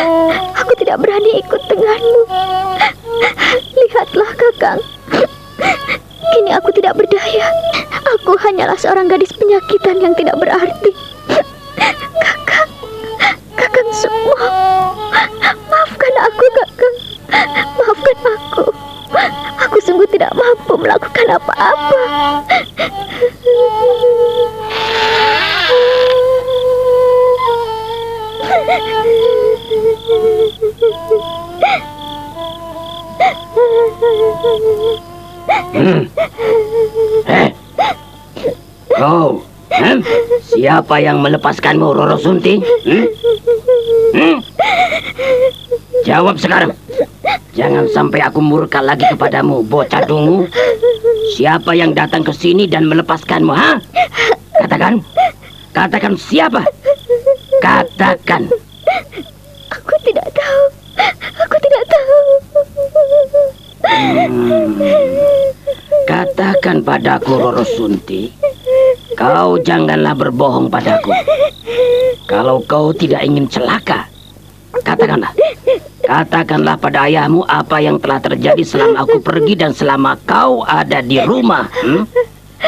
Aku tidak tahu, Ayah. Tidak terjadi apa-apa di sini, Ayah. Roro Sunti, aku berkali-kali mengingatkanmu. Kau tidak juga kapok. Kau tidak juga insaf dan kau masih menentangku, Roro Sunti. Siapa yang melepaskanmu? Siapa? Ayo siapa? Hah? Aku tidak tahu, Ayah. Aku tidak tahu. Dan tidak mungkin pasungan sebesar ini bisa terlepas begitu saja tanpa ada yang mengangkatnya dan menolongmu mengangkat dari pasungan ini. Katakan, siapa yang telah menolongmu atau pemuda itu ya? Hmm? Tidak, Ayah. Tidak. Sekali lagi dengarkan baik-baik pertanyaanku.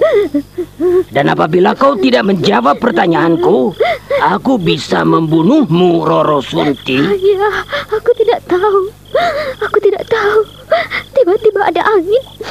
Ada suara yang melepaskan kayu ini. Tiba-tiba terbuka. Bohong, bohong. Kau lagi-lagi berbohong padaku, Roro Sunti. Hah? Dan pura-pura ingin meyakinkan aku begitu. Ah, ternyata tidak ada artinya kejujuranku kepadamu dan kau balas semua kejujuranku dengan kebohongan dan dusta. Siapa yang melepaskanmu? Katakan kepada aku dan kalau kau tidak mengatakannya, aku benar-benar akan membunuhmu. Ayah, aku tidak tahu, Ayah. Aku tidak tahu. Kalau kau benar-benar tidak tahu, tentu saja kau tidak ketakutan seperti setan. Apakah aku ini seperti gendruwo? Hah? Apakah aku ini seperti iblis yang menakutkanmu sehingga aku bertanya kepadamu dan kau tak mampu menjawabnya? Kau benar-benar memuakan. Kau telah menipuku, Roro Sunti. Kau telah belajar dusta kepadaku. Hm, Sekarang aku tahu. Kau ada yang melepaskan dan membebaskan. hah? Sekarang katakan cepat. Sekali lagi. Untuk kesekian kalinya aku bertanya kepadamu. Siapa yang melepaskanmu? Siapa yang membuka pasungan ini? Katakan siapa, ayo. Ayah, Apa? jika Ayah sekarang tidak percaya lagi padaku, pasunglah aku lagi, Ayah. Pasunglah. Tidak ada yang ku ketahui siapa yang melepaskan aku. Hanya dunia gaib, Ayah. Hanya dunia gaib. Pasunglah aku. Bunuhlah aku bila kau mau. Bunuhlah aku, Ayah. Bunuh. Bunuh aku. Kisrenggi benar-benar geram. Dia mengangkat kayu pasungan dan membantingnya ke tanah. Kisrenggi lalu melotot. Matanya berapi-api memandang putrinya. Roro Sunti menggigil. Namun dia berusaha untuk mengangkat wajahnya. Matanya berkaca-kaca dan air mata pun membanjiri kedua pipinya. Gadis itu berusaha untuk menentang ayahnya.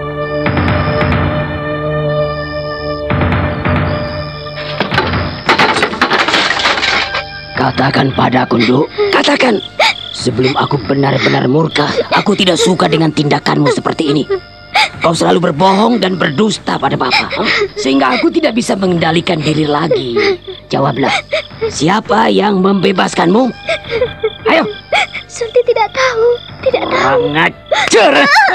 Kau harus memasungmu lagi. Duduk, duduk. Aku harus memasungmu lagi. Mulai saat ini, Kau tidak akan berbuat seenak hatimu sendiri. Sudah ku bilang jangan macam-macam. Tapi kau tetap nekat, ha? Baik. Hmm. Ulurkan kedua kakimu. Ayo ulurkan kedua tanganmu, ayo. Ayo. Ayo kakimu, tanganmu, ayo. Hmm. Hmm. Sekarang tahu rasanya bagaimana kedua tangan dan kakimu kupasung seperti ini. Apabila ada yang membebaskanmu lagi dan kau tidak mau mengatakannya kepadaku, hukumanmu adalah mati.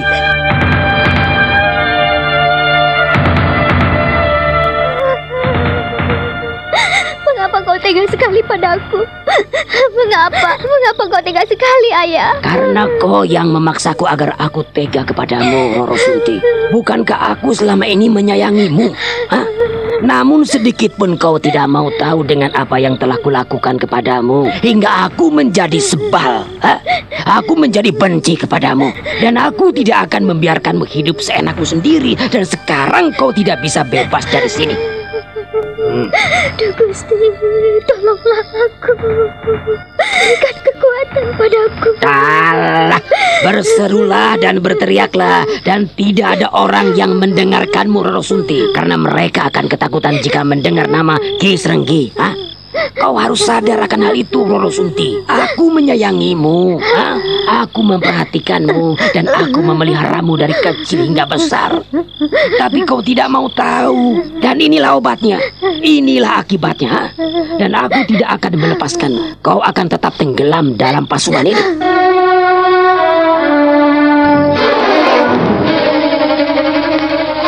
Mengapa kalian malam-malam datang ke sini?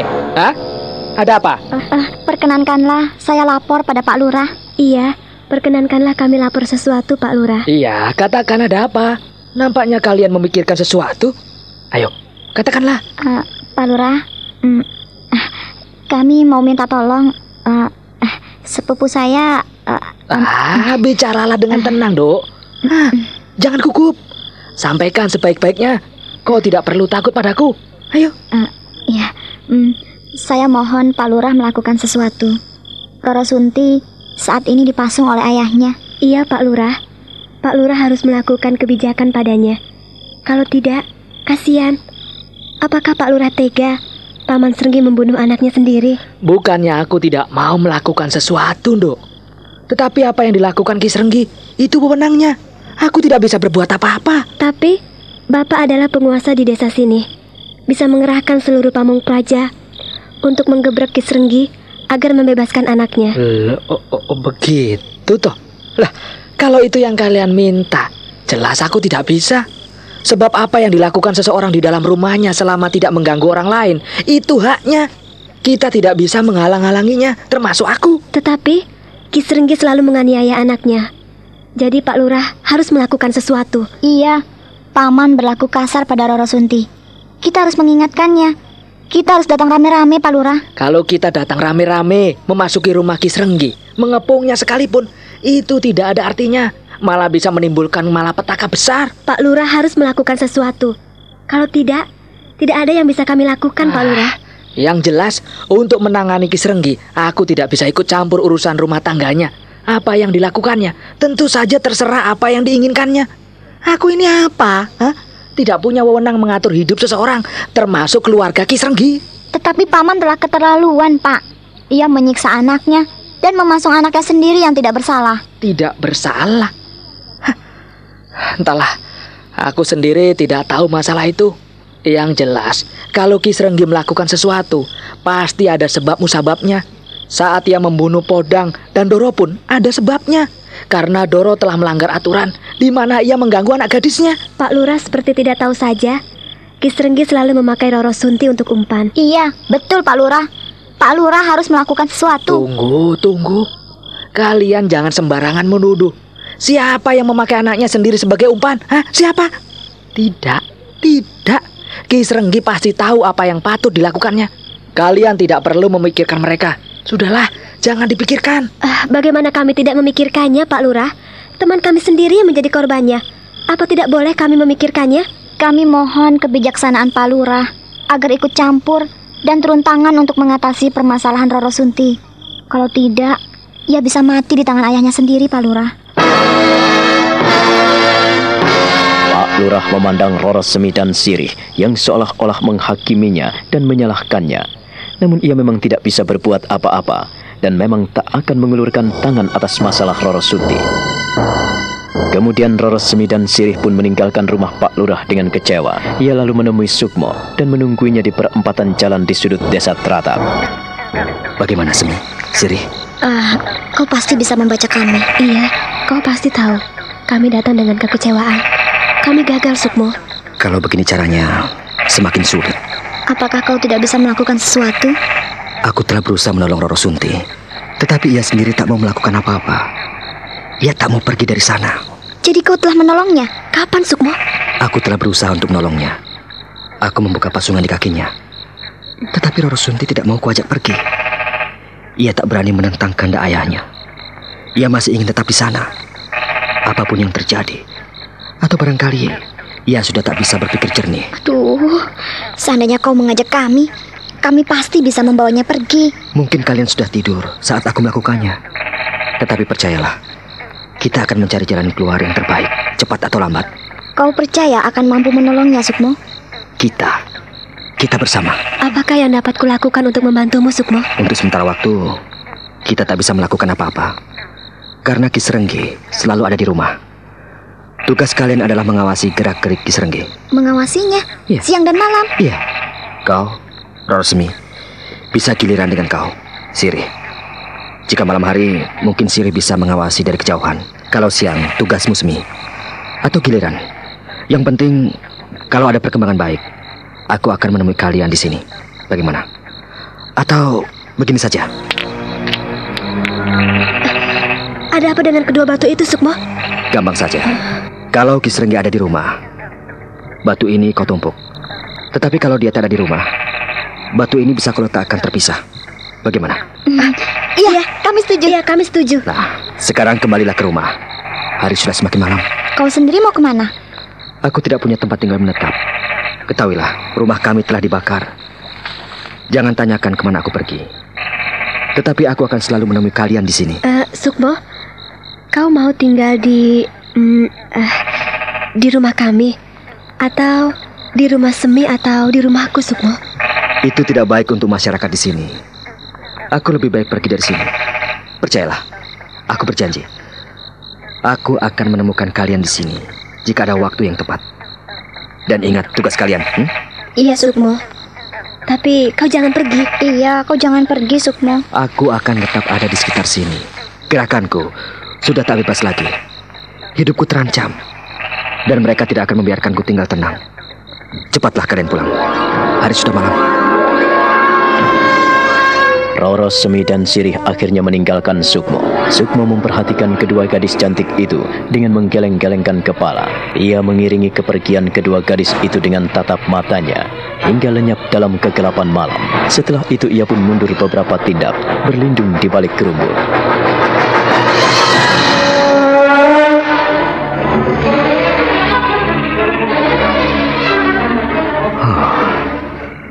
Mereka begitu besar memperhatikan Roro Sunti. Artinya bukan hanya aku saja. Mereka pun turut bersedih atas musibah yang dialami kekasih hatiku.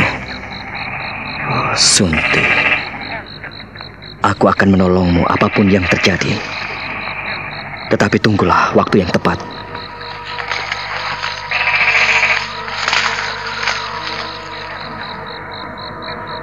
Saat-saat seperti ini, aku sungguh tidak bisa melupakanmu. Sungguh, aku sungguh tidak bisa melupakanmu, Wulan. Ya, aku teringat kepadamu. Bagaimana kau mengungkapkan arti sebuah persahabatan? Arti bagaimana kita berteman dan bersaudara.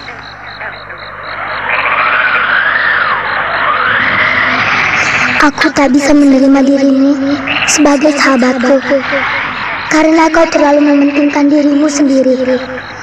Kau tahu, Sukmo, sahabat adalah satu hati dan batin. Kalau kau keras kepala dan bandel, memikirkan dirimu sendiri, tak mau memikirkan orang lain, aku tak bisa berteman denganmu. Lebih baik kita tak usah bersahabat. Wulan. Pada saat inilah aku tahu dan aku mengerti makna yang sesungguhnya dari ungkapan yang kau ucapkan pada saat kita masih kecil. Ya, aku tak menduga kau memiliki pemikiran yang amat dalam sejauh itu. Ah, sungguh tak kuduga pada saat aku mulai dewasa. Aku baru mengetahui ungkapan-ungkapanmu.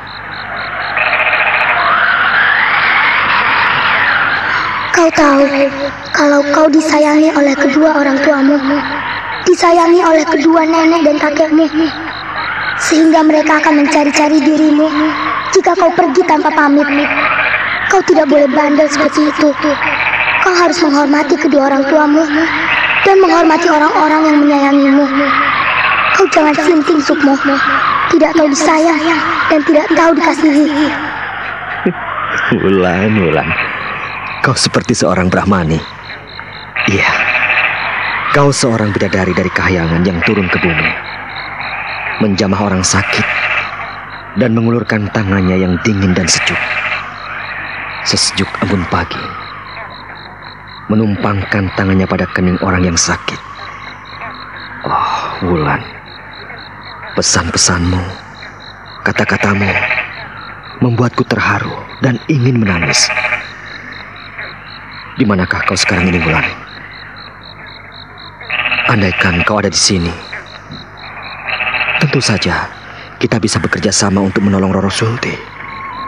Oh, Bulan. Di mana kau sekarang ini?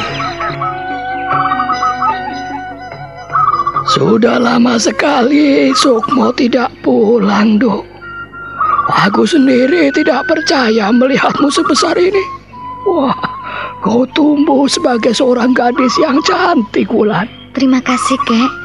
Jadi, sejak berpisah dengan kita dulu, dia tidak pernah kembali lagi ya, Kek? Iya, itulah Sukmo, Dok. Bapak ibunya dibikin kalang kabut dan kakek neneknya jadi kacau balau. Sejak Mataram damai hingga Mataram bergolak karena pemberontakan Kanjeng Pangeran Puger, sampai akhirnya kembali Mataram dalam pembangunan seperti ini, dia juga belum nongol. Ah, entah sampai di mana. Saya sudah berusaha mencari ke mana-mana, kek, tapi saya tidak menemukannya. Ya, ya, ya. Semua orang telah mencarinya, Ger. Semua orang telah mencari Haji Sukmo. Tetapi dasar anak meleng ya seperti itu. Tidak bisa dinasehati, tidak bisa disayangi. Ya, entahlah, Dok. Dunianya memang bukan dunia kakek dan neneknya. Dia memiliki dunia dan alam sendiri yang sulit dimengerti oleh orang-orang wajar seperti kita. Ah, entahlah, Dok. Kakek tidak tahu. Namun, kakek hanya berdoa agar dia senantiasa mendapat restu dan rahmat yang maha kuasa. Kalau begitu, saya akan mencarinya ke rumahnya Iprada, kek. Saya mohon pamit. Kalau seandainya ia pulang ke sini sebelum aku bertemu dengannya, tolong sampaikan salam kangen kepadanya. Katakan, kalau aku sekarang ada di Ponorogo, kek. Oh, jadi kau pun akan pergi menemui Adi Prada. Ah, ya, ya, ya, bolehlah, boleh, boleh. Karena telah gagal ke sini, gagal ke Tritip, gagal ke Teratak, ya, mudah-mudahan saja kau bisa menemui Adi Prada. Ya, barangkali kakekmu menerima kabar baik untukmu, dok. Uh, saya mohon pamit, kek. Ya, ya, hati-hati, Nger, hati-hati.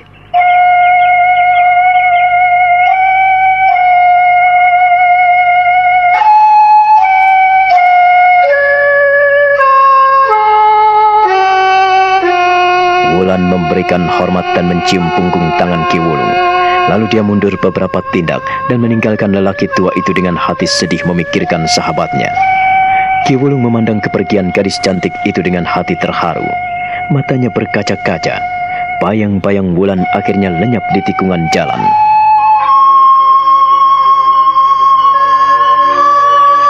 Sementara itu, Sukmo telah kembali menemui Nyai Sorok di tengah hutan alas Dowo.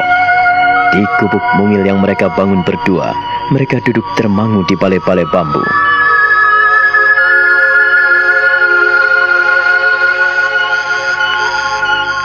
Tak ada jalan yang lain selain menghadapi Kisrengki dengan kekerasan, Sukmo. Aku tak mungkin melakukannya, Nek. Itu bila kau tetap nekat membebaskan Roro Sunti dari cengkraman ayahnya. Aku belum berpikir sejauh itu, Nek. Jalan kekerasan hanya bisa kita tempuh. Bila kita telah terpaksa, kekerasan tidak menyelesaikan masalah, tapi menimbulkan persoalan baru. Oh iya ya, kau benar, Ger. Kekerasan memang jawaban terakhir. Lebih-lebih jika sudah menyangkut nyawa manusia. Ya, aku akan bertarung jika tak ada jalan lain yang terbaik. Demikian pula dalam upaya menolong Roro Sunti. Tapi nenek berpesan kepadamu. Hah, bagaimanapun juga Roro Sunti adalah hak dan kewajiban Kisrengki. Iya, Nek. Tapi Dengarkan dulu. Roro Sunti adalah tanggung jawab Kisrengki. Jadi, disayang atau dibenci, dikasihani ataupun dibunuh, kita sebetulnya tidak berhak melakukan apa-apa. Nek, Hak sepenuhnya ada pada Kisrenggi. namun tindakan biadab itu tidak bisa kuterima begitu saja, Nek. Ya, ya, nenek ngerti. Ada percikan dalam hatiku untuk membebaskan Roro Sunti. Aku tidak rela ia hidup disiksa ayahnya seperti itu. Oh, sayang. Aku gagal mengajaknya pergi dari rumahnya. Ada kekuatan aneh. Sejak kau pergi, hati nenek sudah tidak enak. Nenek merasakannya. Apakah yang nenek rasakan saat aku pergi? Jika nenek merasakan ganjalan seperti itu, artinya kau menghadapi permasalahan berat, Ger. Nenek tahu sebelumnya. Ya, nenek tak bisa membantumu. Karena kau sendiri yang tahu persis persoalan Roro Sunti. Aku akan menghadapinya, Nek. Tapi ku minta kau berhati-hati. Perlu waktu dan kesempatan yang baik untuk membebaskan gadis itu. Dia dipasung, dianiaya, ditelanjangi. Oh, biadab sekali. Biadab. Pemasungan hanya pantas dilakukan untuk orang gila. Nek, aku khawatir sekali kalau Kisrenggi membunuh Roro Sunti. Roro Sunti itu bukannya nyamuk, Ger. Tak mungkin Kisrenggi membunuhnya. Lagi pula siapa ada orang tua yang tega membunuh anaknya? Banyak, Nek. Tidak sedikit orang-orang yang tega membunuh anaknya sendiri.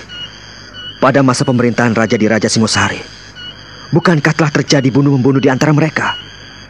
Sejak masa Ken Arok muncul di Tumapel, pembunuhan itu telah dimulai. Itu sejarah hitam dalam lembaran perjuangan manusia, Angger. Sejarah Tumapel hanyalah rangkaian kisah manusia yang senantiasa terulang dan berulang. Itulah yang menghantui aku, Nek. Tapi kau pun perlu tahu, rangkaian dan pengulangan masih bisa ditanggulangi. Lebih-lebih jika sudah menyangkut lingkaran hidup. Lingkaran hidup. Ya, lingkaran hidup. Kehidupan adalah lingkaran perulangan. Ya, hidup adalah suatu keajaiban. Inilah lingkaran yang harus kita cari titiknya. Kau tahu di mana awal dan akhir sebuah lingkaran?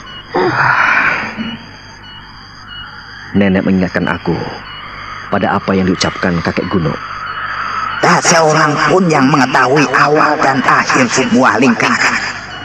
Awal dan akhir sebuah lingkaran hanya diketahui oleh pelukisnya sendiri. Itulah hidup, itulah kehidupan. Hidup dan kehidupan ini adalah keajaiban. Kehidupan akan berakhir, tetapi hidup akan selalu ada. Itulah alam manusia yang selalu diselimuti oleh misteri.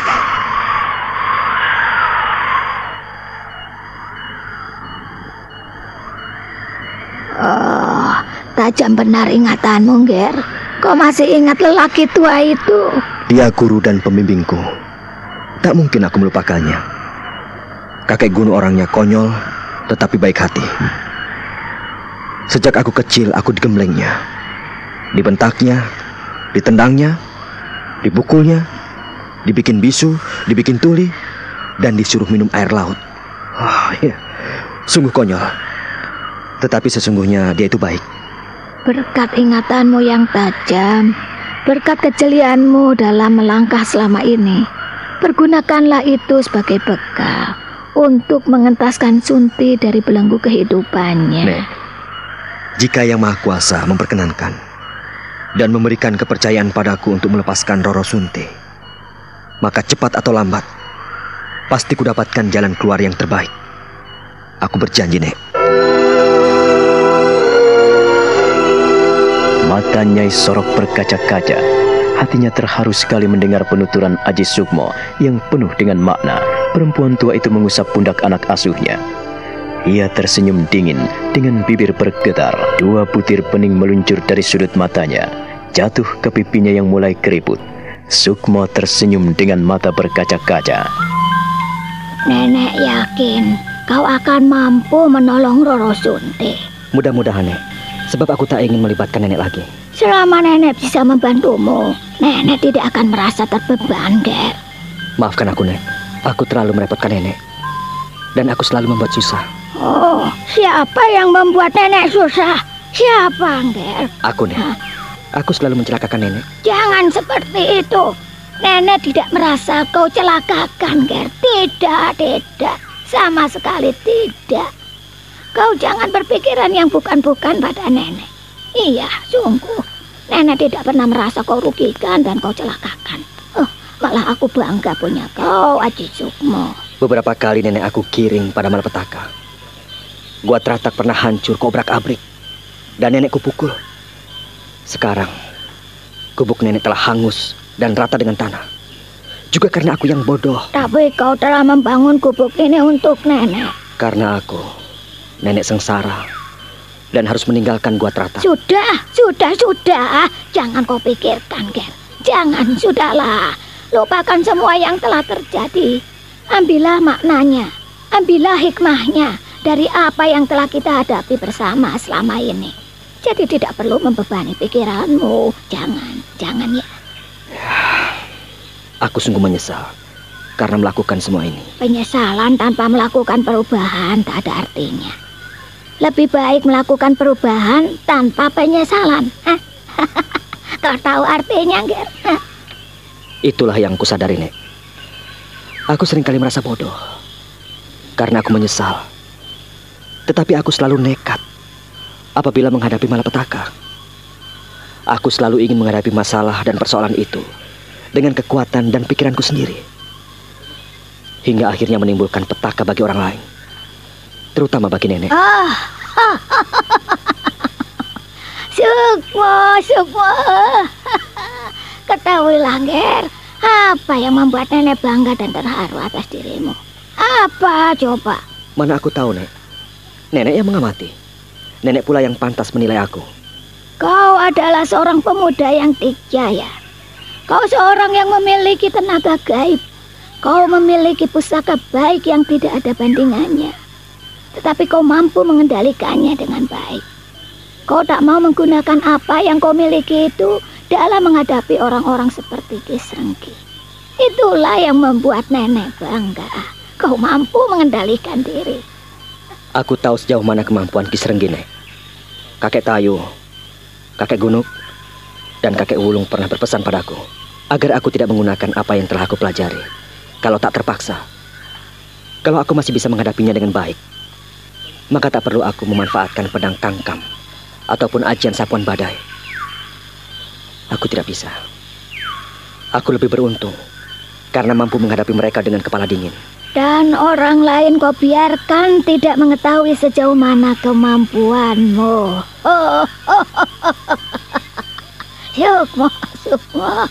Ya, mengendalikan diri adalah dasar utama untuk mengawali sebuah perjalanan dalam kehidupan ini, Ger. Iya, hanya dengan mengendalikan diri, maka kau telah memulai sebuah perjalanan hidup yang baik. Sekarang, yang lebih penting dalam hidupmu adalah bagaimana mempersiapkan segala sesuatu dengan baik. Mata Sukmo berkaca-kaca. Dia terharu sekali oleh nasihat Nyai Sorok. Beberapa hari, beberapa malam, hatinya tidak tenang.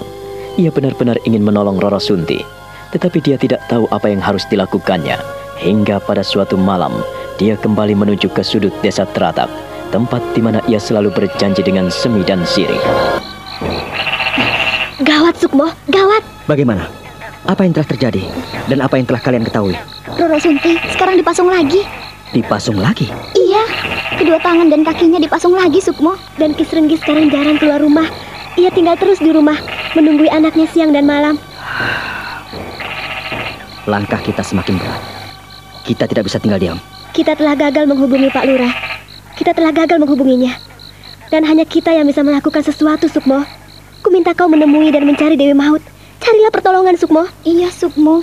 Kalau kau mau bekerja sama dengan Dewi Maut, pasti kau bisa menolong Roro Sunti.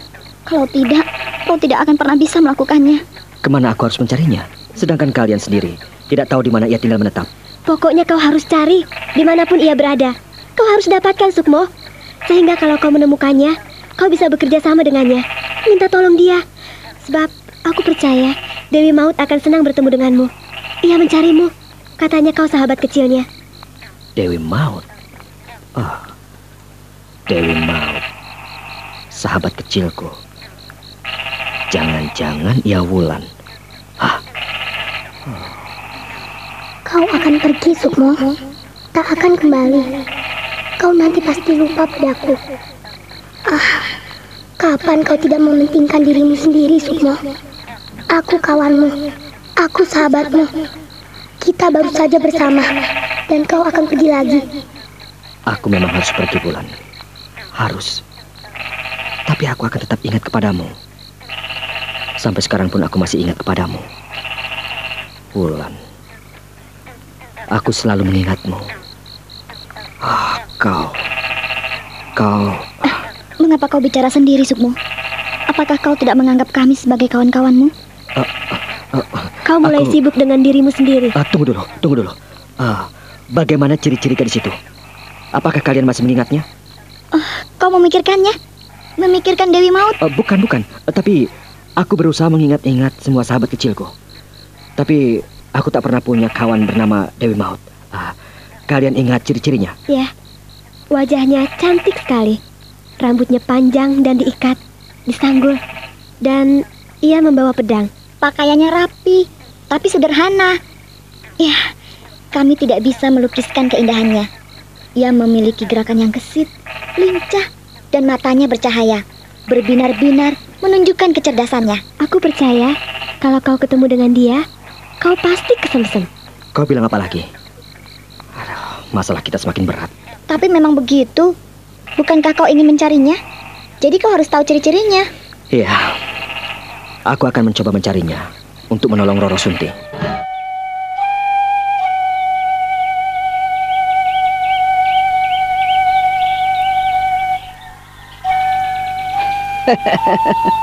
Lama sekali aku tidak berjumpa cucuku. Ya, entah ke mana. Sejak kecil memang suka keluyuran. Dan dengan kami, Haji Sukmo kurang begitu akrab. Jadi, ya, kami tidak tahu entah ke mana anak itu. Jadi, kakek Prada sama sekali tidak pernah menemukan Sukmo. Tidak pernah jumpa dia. Ya, itu Lando. Aku sendiri bingung sebagai seorang kakeknya. Kupikir Haji Sukmo selalu tinggal bersama Kakang Wulung. Tapi nyatanya, Kakang Wulung pun tidak pernah tahu ke mana bocah itu pergi. Aku khawatir kalau ia ikut menjadi korban bencana di Mataram. Maksud kakek? Kau sendiri telah tahu, dong. Waktu geger Demak Bintoro, saat pemberontakan Pangeran Puger yang cukup lama. Tentu saja mencemaskan semua orang. Iya, kek. Saya ingat peperangan itu. Nah, peperangan yang mengerikan sekali. Mengerikan. Yang menjadi korban bukan hanya para perwira dan prajurit di medan laga. Tetapi para perempuan dan anak-anak pun menjadi korban peperangan. Jadi, seandainya... eh, ah, eh, tidak, tidak, tidak. Ah, tidak. Sukmo masih hidup. Sukmo masih hidup. Dari mana kau tahu bahwa Sukmo masih hidup? Hah? Bertahun-tahun kami tidak mendengarkan beritanya, Ger. Ah, entahlah. Kalau yang Maha Kuasa masih memberikan kemurahan, ya semoga saja ia memang masih hidup seperti harapan kami semua. Sukmo masih hidup. Sebelum memperoleh Sampur Jala Sutra, ia tidak boleh mati. Ger, Karena kakek tidak tahu di mana ia tinggal, Saya mohon pamit dulu, Kek. Sampaikan salam pada Nyai dan Bibi Wari. Tunggu, tunggu dulu. Jangan tergesa pergi, Ndo. Ah, ada apa, Kek? Kau yakin sekali ia masih hidup dan selamat dari peperangan? Iya, dia sahabat saya. Saya tahu siapa dia. Oh. Ada yang ingin kakek sampaikan? Hmm, iya, ya, kakek ingin. Jikalau kau berjumpa dengannya, ajaklah kemari. Ya, ajaklah kemari, Ger. Kakek dan neneknya, bahkan bapak dan ibunya selalu mencari-carinya. Jangan sampai ia melupakan orang tua. Hah? Iya, Kek. Saya akan sampaikan kepadanya. Satu hal yang juga perlu kau ketahui. Siapa pun yang mengabaikan orang tua dan berani menentang kehendaknya, pasti ia akan kualat. Wulan terhening. Ia menunduk di hadapan Kiprada. Lalu ia tersenyum lembut dengan hati yang terharu menyaksikan mata lelaki tua itu berkaca-kaca, bibirnya yang hitam mengeriput, nampak meliuk-liuk. Lelaki tua itu nampak layu, sisa-sisa keperkasaan nampak pada kulitnya yang legam dan tangan-tangannya yang kasar.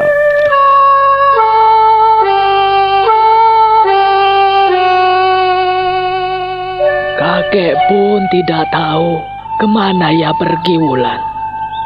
Ya, hanya itu yang bisa kusampaikan kepadamu. Kalau ia ketemu denganmu, tolong katakan kepadanya, suruh dia pulang.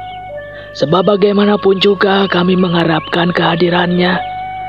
Sudah cukup lama ia meninggalkan kami, entah ke mana. Saya akan berusaha mencarinya, kek. Ya, saya pun ingin sekali bertemu dengannya. Cukup lama saya mencarinya, kek. Iya, kalau ketemu. Kalau tidak juga tidak apa-apa bulan. Karena ya, yang namanya orang pergi tanpa arah dan tujuan. Tentu saja belum pasti ketemu apabila dicari. Saya ikut prihatin atas apa yang telah dilakukan oleh Sukmo. Ah, memang dasar bocah bandel. Iya, iya. Sebandel-bandelnya Sukmo. Kau sudah tahu Sejak kecil katanya kau selalu bersama dan tidak pernah berpisah. Ah, sudahlah, Nger. Pergilah. Hanya itu pesanku. Tidak ada yang lain. Dan maaf apabila saya tidak bisa memberikan apa-apa kepadamu. Saya mohon pamit, Kek. Kau sungguh keterlaluan, Sukmo. Tega sekali kau pada orang-orang yang mencintaimu. Pergi terlalu lama tanpa berita. Kasihan sekali. Kakek Prada, kakek Wulung, nenek dan kakekmu. Kasihan sekali. Lalu bagaimana dengan ayah dan ibumu? Apakah juga tidak mau tahu dengan kepergianmu?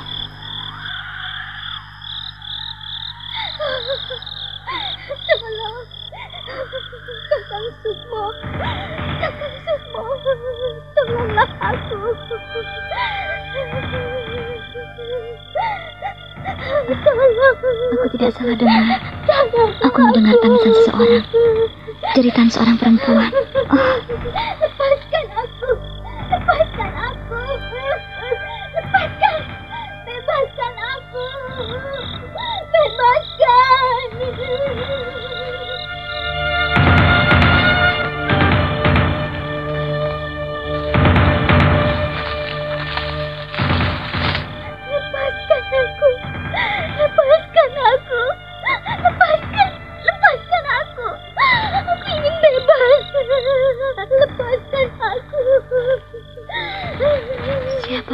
Seperti ini berteriak-teriak ingin bebas. Oh, seorang perempuan disiksa. Perempuan menjerit-jerit. Ada apa? Aku harus mencarinya. Ah, nampaknya dari rumah itu. Lepaskan aku. Lepaskan aku. Lepaskan.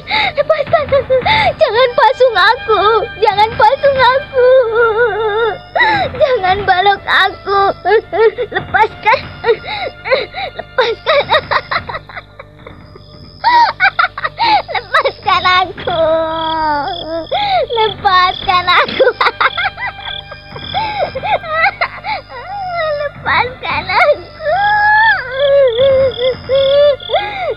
Lepaskan aku. Lepaskan aku.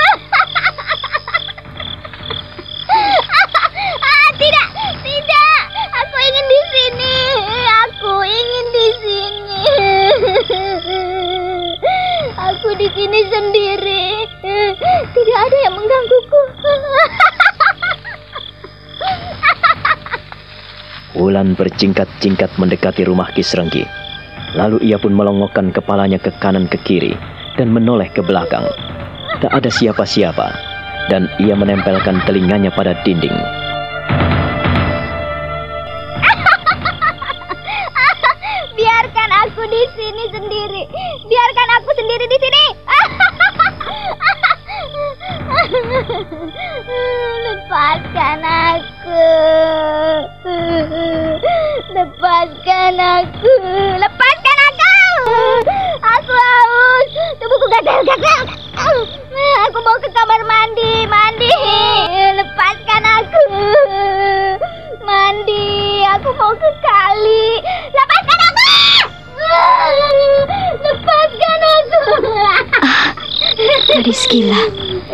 Dia dipasung.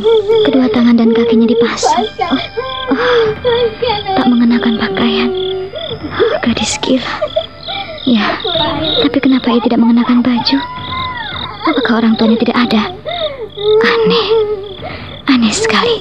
Ada keganjilan. Ada keganjilan di sini. Siapa? Siapa? Ayo, ayo. Jangan intip aku. Ayo, ayo. Kenapa dia tahu aku?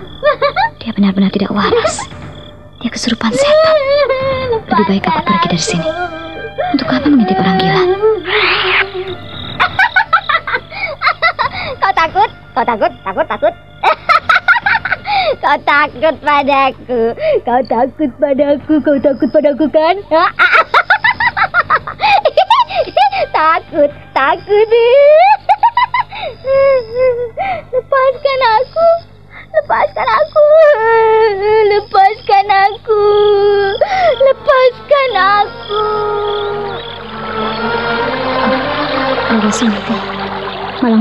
Nasibmu.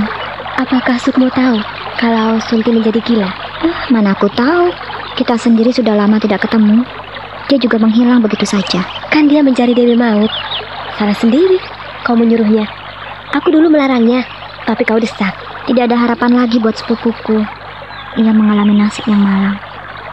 Wah, kasihan sekali Kak Sunti. Ah, Roro Sunti, gadis cantik yang malang. Andaikan bapakmu tidak seperti itu, tentu saja kau tidak seperti itu. Bagaimana kau bisa menyesali semua itu, Semi? Semuanya telah terjadi, dan hal itu diinginkan pamanmu. Kau tidak bisa menyesali semua ini. Percuma kan? Menyesal tetapi tidak melakukan perubahan. Percuma kan? Lebih baik bertobat, tapi tidak menyesal. Daripada menyesal tetapi tidak melakukan perubahan apa pun, ya kan? Hmm, aku hanya bisa bersedih, Siri. Karena aku tidak tahu apa yang harus kulakukan untuk sepupuku. Seharusnya aku bisa melakukan sesuatu yang berguna untuknya. Kita sudah berusaha semampu kita, Semi. Tapi ya, kalau pamanmu sendiri menghendaki begitu, apakah bisa kita tolak? Ah, sudahlah, kau tidak perlu bersedih. Kau pikir aku pun tidak bersedih? Apa yang telah kita lakukan selama ini sia-sia sekali, Siri. Hmm, keterlaluan. Paman memang keterlaluan.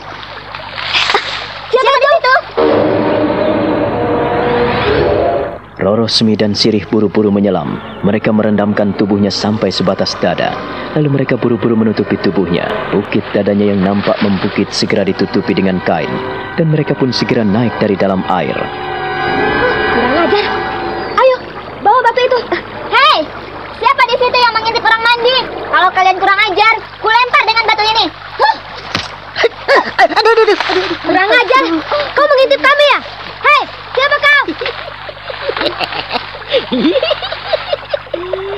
Ditanya, malah cengengesan. Gila, kepalaku benjol. Kena batumu. Kalian melempariku. Gila, kau gila ya? Kau edan ya? Hah? Ini malah ketawa-ketawa. Untung saya tidak menangis. Ah, lihatlah, kepalaku benjol karena kalian lempar. Hah? Dasar sinting.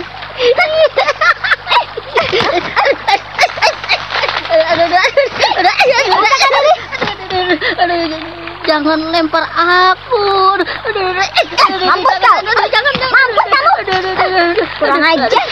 Mengintip orang mandi. Kurang ajar kamu. Gak tahu malu. Gak tahu malu. Kurang ajar. Mampus kamu.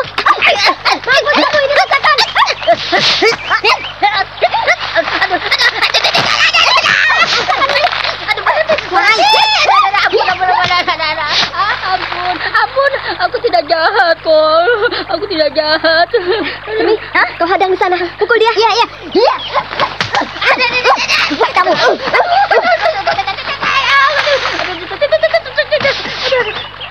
Hei, mau ke mana kau? Eh, mau ke mana kamu? Hei, jangan lari ya. Mau ke mana kau? Kau harus menerima upahmu orang jelek. Kau benar-benar tak tahu malu. Ampun, ampun. Tidak ada ampun bagimu. Lihat, apa yang ada di kedua tanganku ini. Dan apa yang kugenggam ini orang edan? Ampun, eh, aku tidak salah. Rasakan ini.